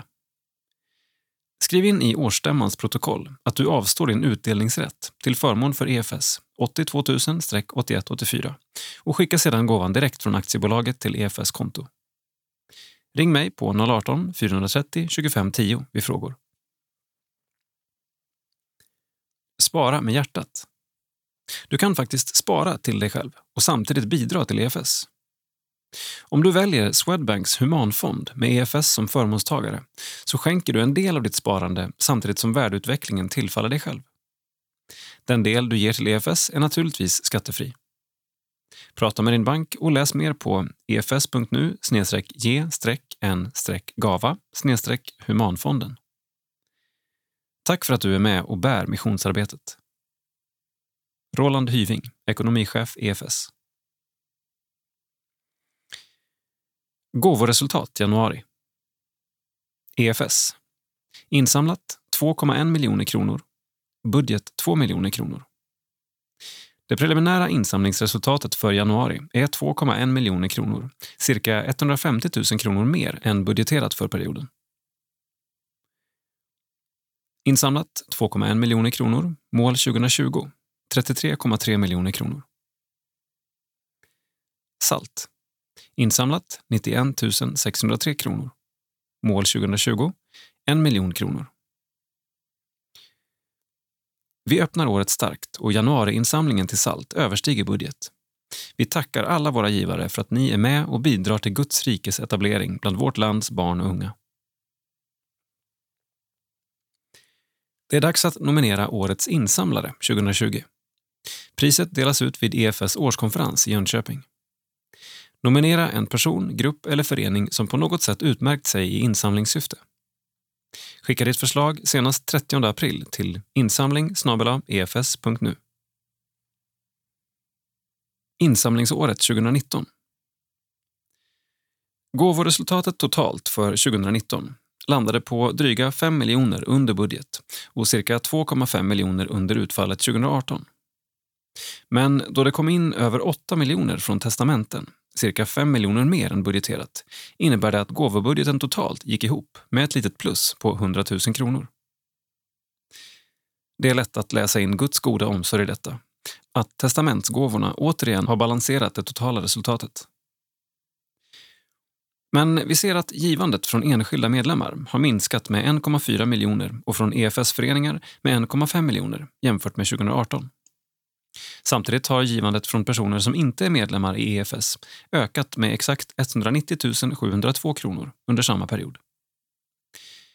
Med största säkerhet beror detta sammantaget på den nya situationen där vi med råge överträffat det tidigare konsolideringsmålet om 14 miljoner i fritt eget kapital.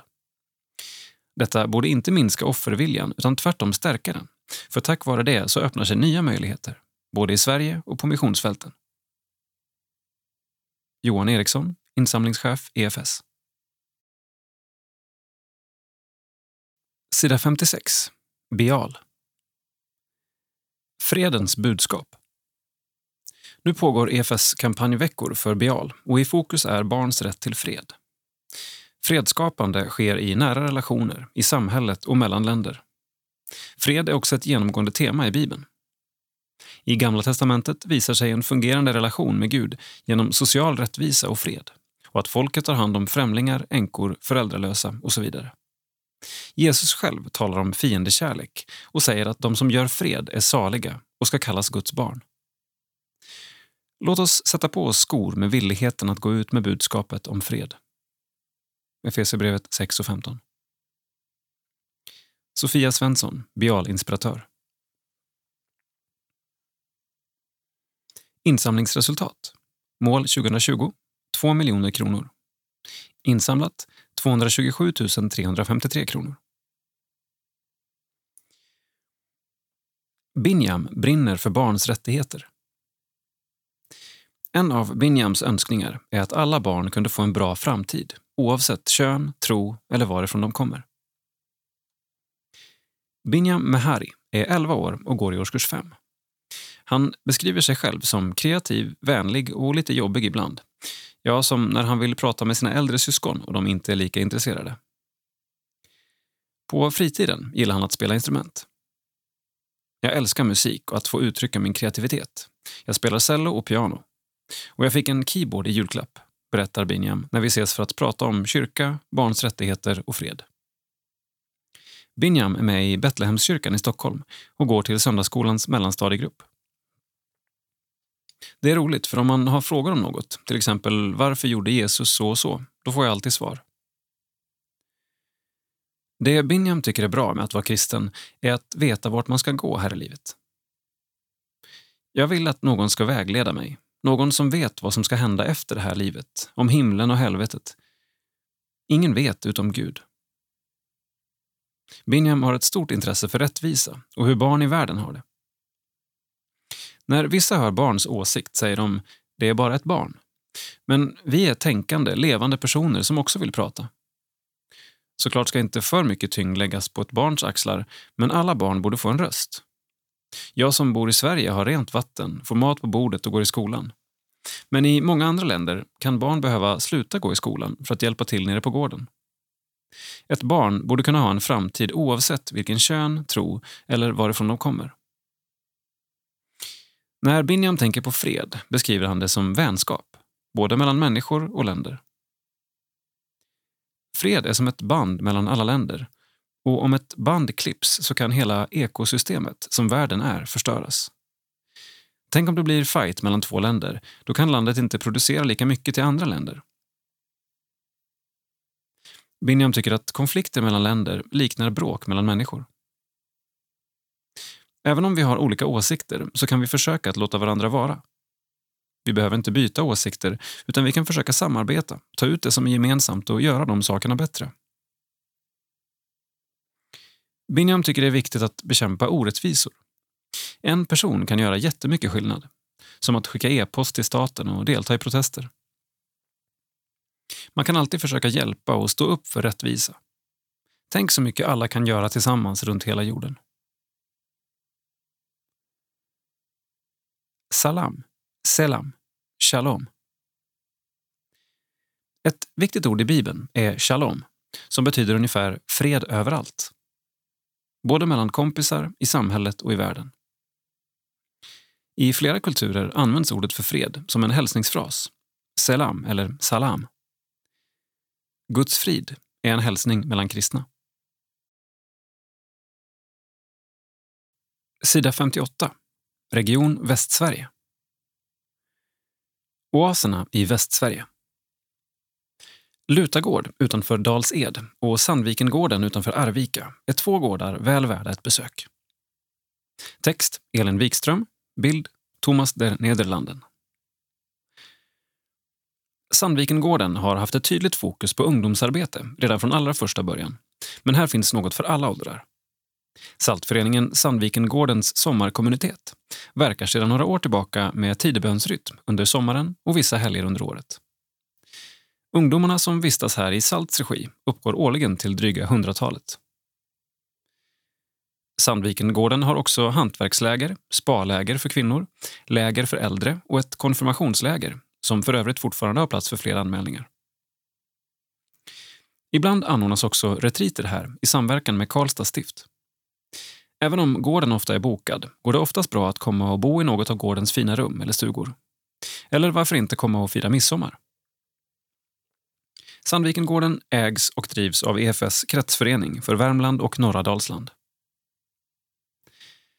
Lutagård ligger sjönära, precis som Sandvikengården och har vacker utsikt ner mot vattnet från kapellet. Denna gård bokas också för läger, till exempel blir det påskläger för ungdomar senare i år.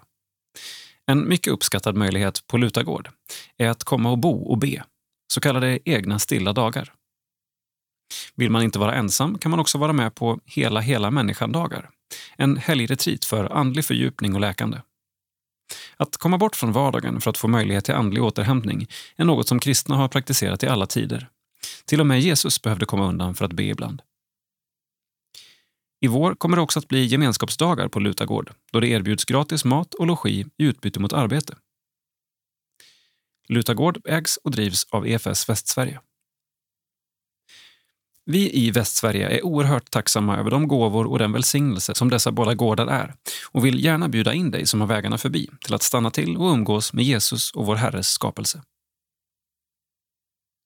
För mer information se sandvikengarden.se och efsvast.se lutagard. Kalender 8 mars Konsert med Evangeliegutta, Lutagård. Mer info efsvast.se lutagardprogram. 9-12 april Påskläger för ungdomar, Lutagård. Mer info efsvast.se pask 2020. 28 mars, nära 2020. Regional mötesplats, seminarier, bön och lovsångsmässa. Hjälmareds folkhögskola. Mer info efsvast.se nara 2020. 23 till 26 april. Hela hela människan-dagar på Lutagård. Mer info och anmälan berit.skott efs.nu. 4 till 10 maj, gemenskapsdagar på Lutagård. Mer info och anmälan efsvast.se lutagardprogram och berit.skott efs.nu. 15 till 17 maj. Scouthike, Nabben, Ulricehamn. Mer info efsvast.se nabben. 17 juni till 11 juli. Konfirmationsläger, Sandvikengården. Mer info sandvikengarden.se. Sida 60. Region Mittsverige. Tro, hopp och gemenskap. Efter tre års uppehåll var det under nyårshelgen dags för Livskraft Mitt igen. Text Sofie Siverman, bild Ellen Bergqvist. Maja Modig är ordförande i Salt Mittsveriges styrelse och satt i lägerledningen för Livskraft Mitt. Det mest utmanande inför lägret blev tidspressen. Det som i andra fall planeras under hela året skulle nu fixas på ett par månader, säger hon. Uppstarten fick en förkortad startsträcka på grund av att styrelsen i september blev varse att Livskraft Syd blev inställt. Livskraft Mitt hade då varit pausat i tre år då Salt Mitt-Sverige istället samordnat resa till Livskraft Syd i Helsingborg för distriktets ungdomar. Vid beskedet beslutade styrelsen att starta upp Livskraft Mitt ett år tidigare än planerat. Vi var taggade och såg detta som en fantastisk möjlighet, berättar Maja. Det blev snabba puckar för de ansvariga, men när startdagen kom, den 28 december, hade lägerledningen med Maja och saltkoordinator Simon Ström i spetsen lyckats engagera fler ledare, boka talare och lokal, fixa mat och allt annat som behöver arrangeras och organiseras. Det blev till slut 17 deltagare och 18 ledare som samlades under fyra livfulla dagar under temat hopp. Temat märktes bland annat i bibelstudium, seminarium och kvällsmöten. I vårt samhälle just nu, kring frågor om exempelvis krig, miljö och psykisk ohälsa, är det lätt att tappa hoppet. Att få sprida budskapet från Bibeln att det finns hopp, att ljuset lyser i mörkret, kändes otroligt aktuellt och viktigt. Och Maja tyckte att det märktes att deltagarna tog till sig av budskapet. Ibland gick det att se att någon var mer tagen eller funderade extra, exempelvis efter en predikan eller under en lovsång. Det märktes även desto längre in vi kom i lägret att deltagarna själva kunde koppla temat till saker som hände eller saker som vi pratade om. Samtidigt var det flera som blev berörda på ett djupare sätt när Gud kändes så nära så att man nästan kunde ta på det. Det var underbart. Hela lägret präglades av värme, energi och en Jesuscentrering. Detta märktes inte minst i kvällsmötena då en hejaklack hälsade deltagare välkomna med vågen när de gick in i kyrksalen. Detta efterföljdes av dans till låten Supergud. Gudstjänsterna avslutades alltid med lovsång och tillfälle för förbön, och även bikt ibland. Maja tycker att den största behållningen från lägret var gemenskapen i kombination med temat. Lägret gav oss i styrelsen och förhoppningsvis de andra deltagande massor av hopp för det kommande året. Gud är och var så närvarande. Jag vet vilka avsikter jag har med er, säger Herren. Välgång, inte olycka. Jag ska ge er en framtid och ett hopp. Jeremia 29 och 11.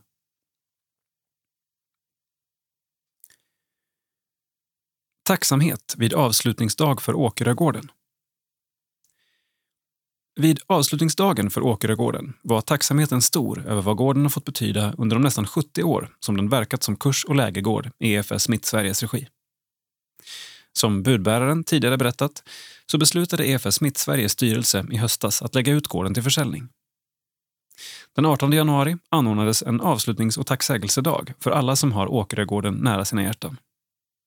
Cirka 75 personer samlades för att tillsammans fira den sista gudstjänsten, äta den sista måltiden och dela med sig av sina minnen. Att få ett tydligt avslut tycker Lars-Olof Samuelsson, ordförande i Åkeröstyrelsen, var viktigt. Det är fint att få uttrycka tacksamhet och glädje över allt positivt som många har upplevt på Åkerögården under årens lopp. Som sista punkt på dagen gavs mycket tid för delning av minnen. Jag tycker att det blev ett mycket fint avslut för Åkerögården. Folk kunde uttrycka både en ledsnad över beslutet om nedläggning men också en glädje över vad gården fått betyda för dem. Sida 62. Nytt i livet. Avlidna. Vår godaste och käraste lärare och morfar, Axel Nilsson, född 19 juni 1929, har idag flyttat till sitt himmelska hem. Hörby 8 november 2019. Sörjd, saknad. Annie och Gunnel med familjer. Lisa med familj. Släkt och vänner. Hemma, hemma får jag vila efter slutad kamp och strid. Hemma, hemma hos min fader väntar mig en evig frid. Begravningen har ägt rum. Tänk gärna på EFS mission, bankgiro 900-9903. Varmt tack till personalen på Vallgården för god och kärleksfull omvårdnad. Min älskade maka, vår älskade mamma, svärmor och farmor. Rut Sändabo född 13 juli 1933, avliden 25 januari 2020, har lämnat oss i stor sorg och saknad. I ljust minne bevarad. Teferi, Samuel och Sara, Johannes Elias, Sara och Björn, släkt och vänner. Herren är min herde, mig skall intet fattas. Han låter mig vila på gröna ängar, han för mig till vatten där jag finner ro. Han vederkvicker min själ. Han leder mig på rätta vägar för sitt namns skull. Saltaren 23, vers 1-3. Begravningen har ägt rum. Tänk gärna på EFS mission, bankgiro 900-9903, givarservice 018 430 2500 eller ELM mission, bankgiro 476-1144.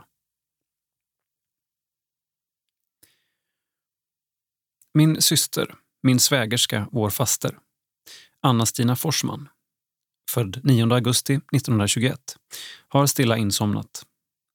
Kristianstad 8 januari 2020. Hon var kärlek, glädje och omsorg. Tack, Herre, för denna underbara gåva. Eskil och Saini, Birgitta och Stefan, Per, Staffan och Karin, Kristina och David, Peter och Maria med familjer. Övrig släkt och vänner. Det oerhörda. Att vara i Guds hand. Dag Hammarskjöld. Begravningen har ägt rum.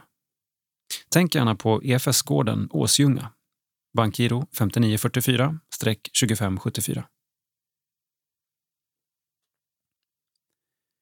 Vår älskade Folke Bäckström, född 17 augusti 1924, har i frid insomnat och lämnat oss, övrig släkt och vänner. Vickersrud den 24 oktober 2019. Ann-Sofie. Veronica med familj. Daniel. Marcus. Fann fridlyst hamn i Jesu namn hans kors och grav oss livet gav. FB Begravningsgudstjänsten har ägt rum. Till minne. Axel Nilsson. Den 8 november 2019 fick Axel flytta till sitt himmelska hem. Vi tackar Gud för honom. Axel föddes den 19 juni 1929 i Sebbarp, en liten by utanför Hörby i Skåne. Hans föräldrar var lantbrukare och i familjen fanns också en två år äldre syster, Anna-Lisa. Föräldrarna tillhörde EFS missionsförening på orten och Axel och hans syster började tidigt i söndagsskolan och senare i föreningens juniorarbete. Föräldrahemmet präglades av kärlek till Jesus och var öppet för predikanter och missionärer som kom på besök. Detta gjorde att såväl Axel som Anna-Lisa tidigt fick ett stort intresse för missionen. Ett intresse som fanns med hela livet.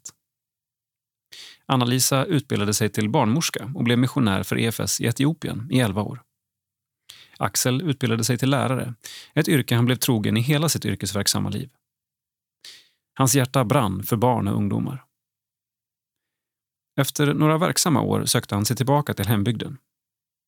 För ungdomsledarna i Hörby EFS förening var han ett stöd som förebedjare och även ekonomiskt. Troget och med stort engagemang deltog han i församlingens verksamhet. Axel var också politiskt intresserad. Han var ledamot för KD i kommunfullmäktige och kyrkofullmäktige under ett antal år. Axel var också ett föredöme i att med trohet och kärlek ha omsorg om sina åldrande föräldrar. Så också om syster Anna-Lisa, då hon blev sjuk. Axel var intresserad av allt. Han var beläst och kunnig. Han var hemkär, men älskade också att resa och se sig om i världen. Han var en stor naturälskare. Trädgården och alla blommorna var hans hobby. Den sista tiden bodde Axel på ett äldreboende. Han blev rullstolsbunden och kunde inte vara med som förr. Engagemanget och glöden för Guds rike slocknade aldrig fastän han alltmer talade om att han längtade hem. Nu har han nått sin längtans mål. Frid över hans minne. Tänk när släkt och vänner, alla mötas där, på den andra stranden, aldrig skiljas mer. Gunnel Åkesson, Hörby. Margareta Olsson Lindström. I en ålder av 86 år har Margareta hastigt lämnat oss. Hon har i hela sitt liv varit trogen EFS. Direkt efter sin examen på lärarseminariet fick hon en lärartjänst på Mellansels folkhögskola. Där blev hon dock bara kvar i ett år för att istället åka till EFS expedition i Stockholm för ett vikariat som blev till 11 års anställning. Där arbetade hon med söndagsskolsfrågor och scoutliknande arbete. Det handlade om framställning av arbetsmaterial, ledarutbildning och läger. Det blev många resor runt i landet till alla län med EFS verksamhet. Efter sin period på EFS expedition har hon till sin pension arbetat som lärare och studierektor på olika platser. Margareta satt i EFS styrelse åren 1969 till 1980. Hon har också suttit i styrelsen för EFS Västernorrland samt varit engagerad i EFS lokalt. EFS missionsarbete låg henne varmt om hjärtat hela livet.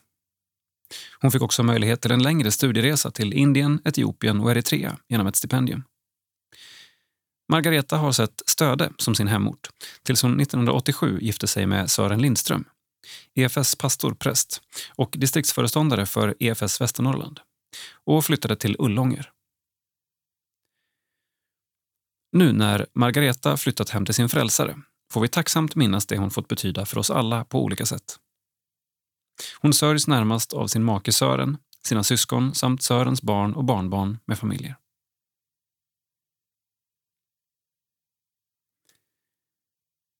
Förlovade. Vi har förlovat oss. Claes Leverström och Rut Randén. Örebro 16 november 2019.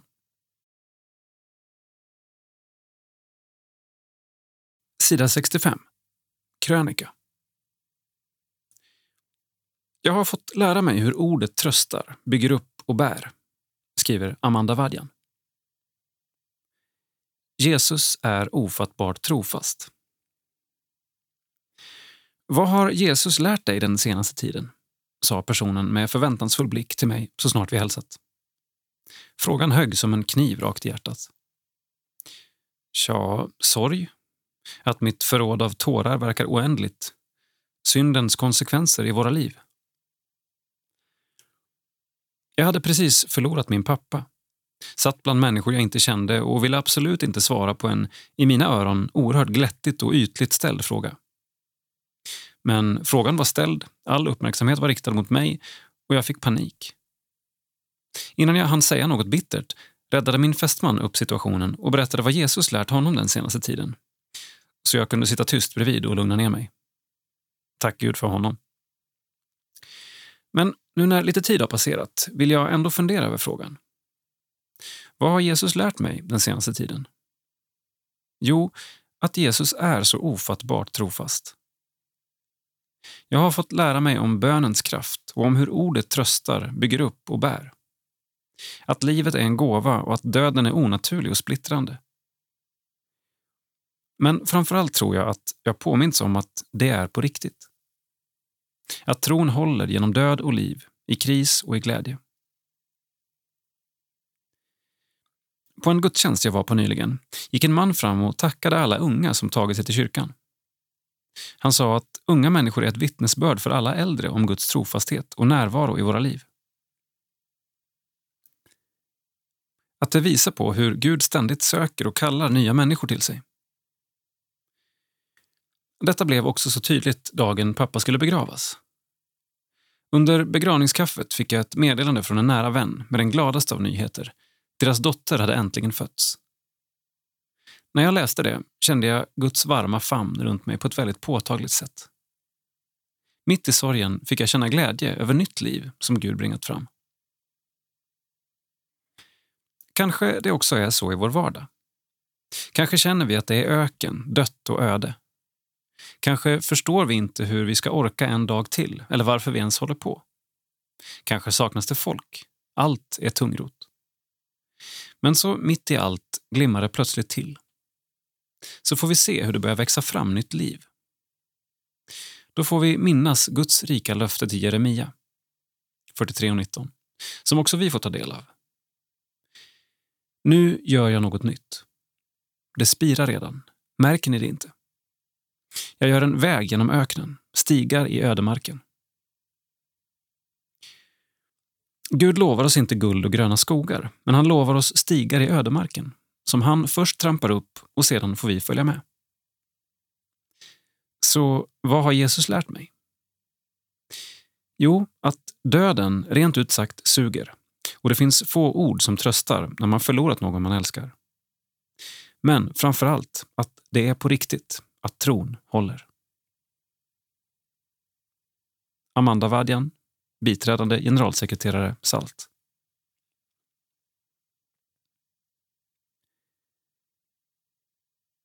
Tack för att du har lyssnat.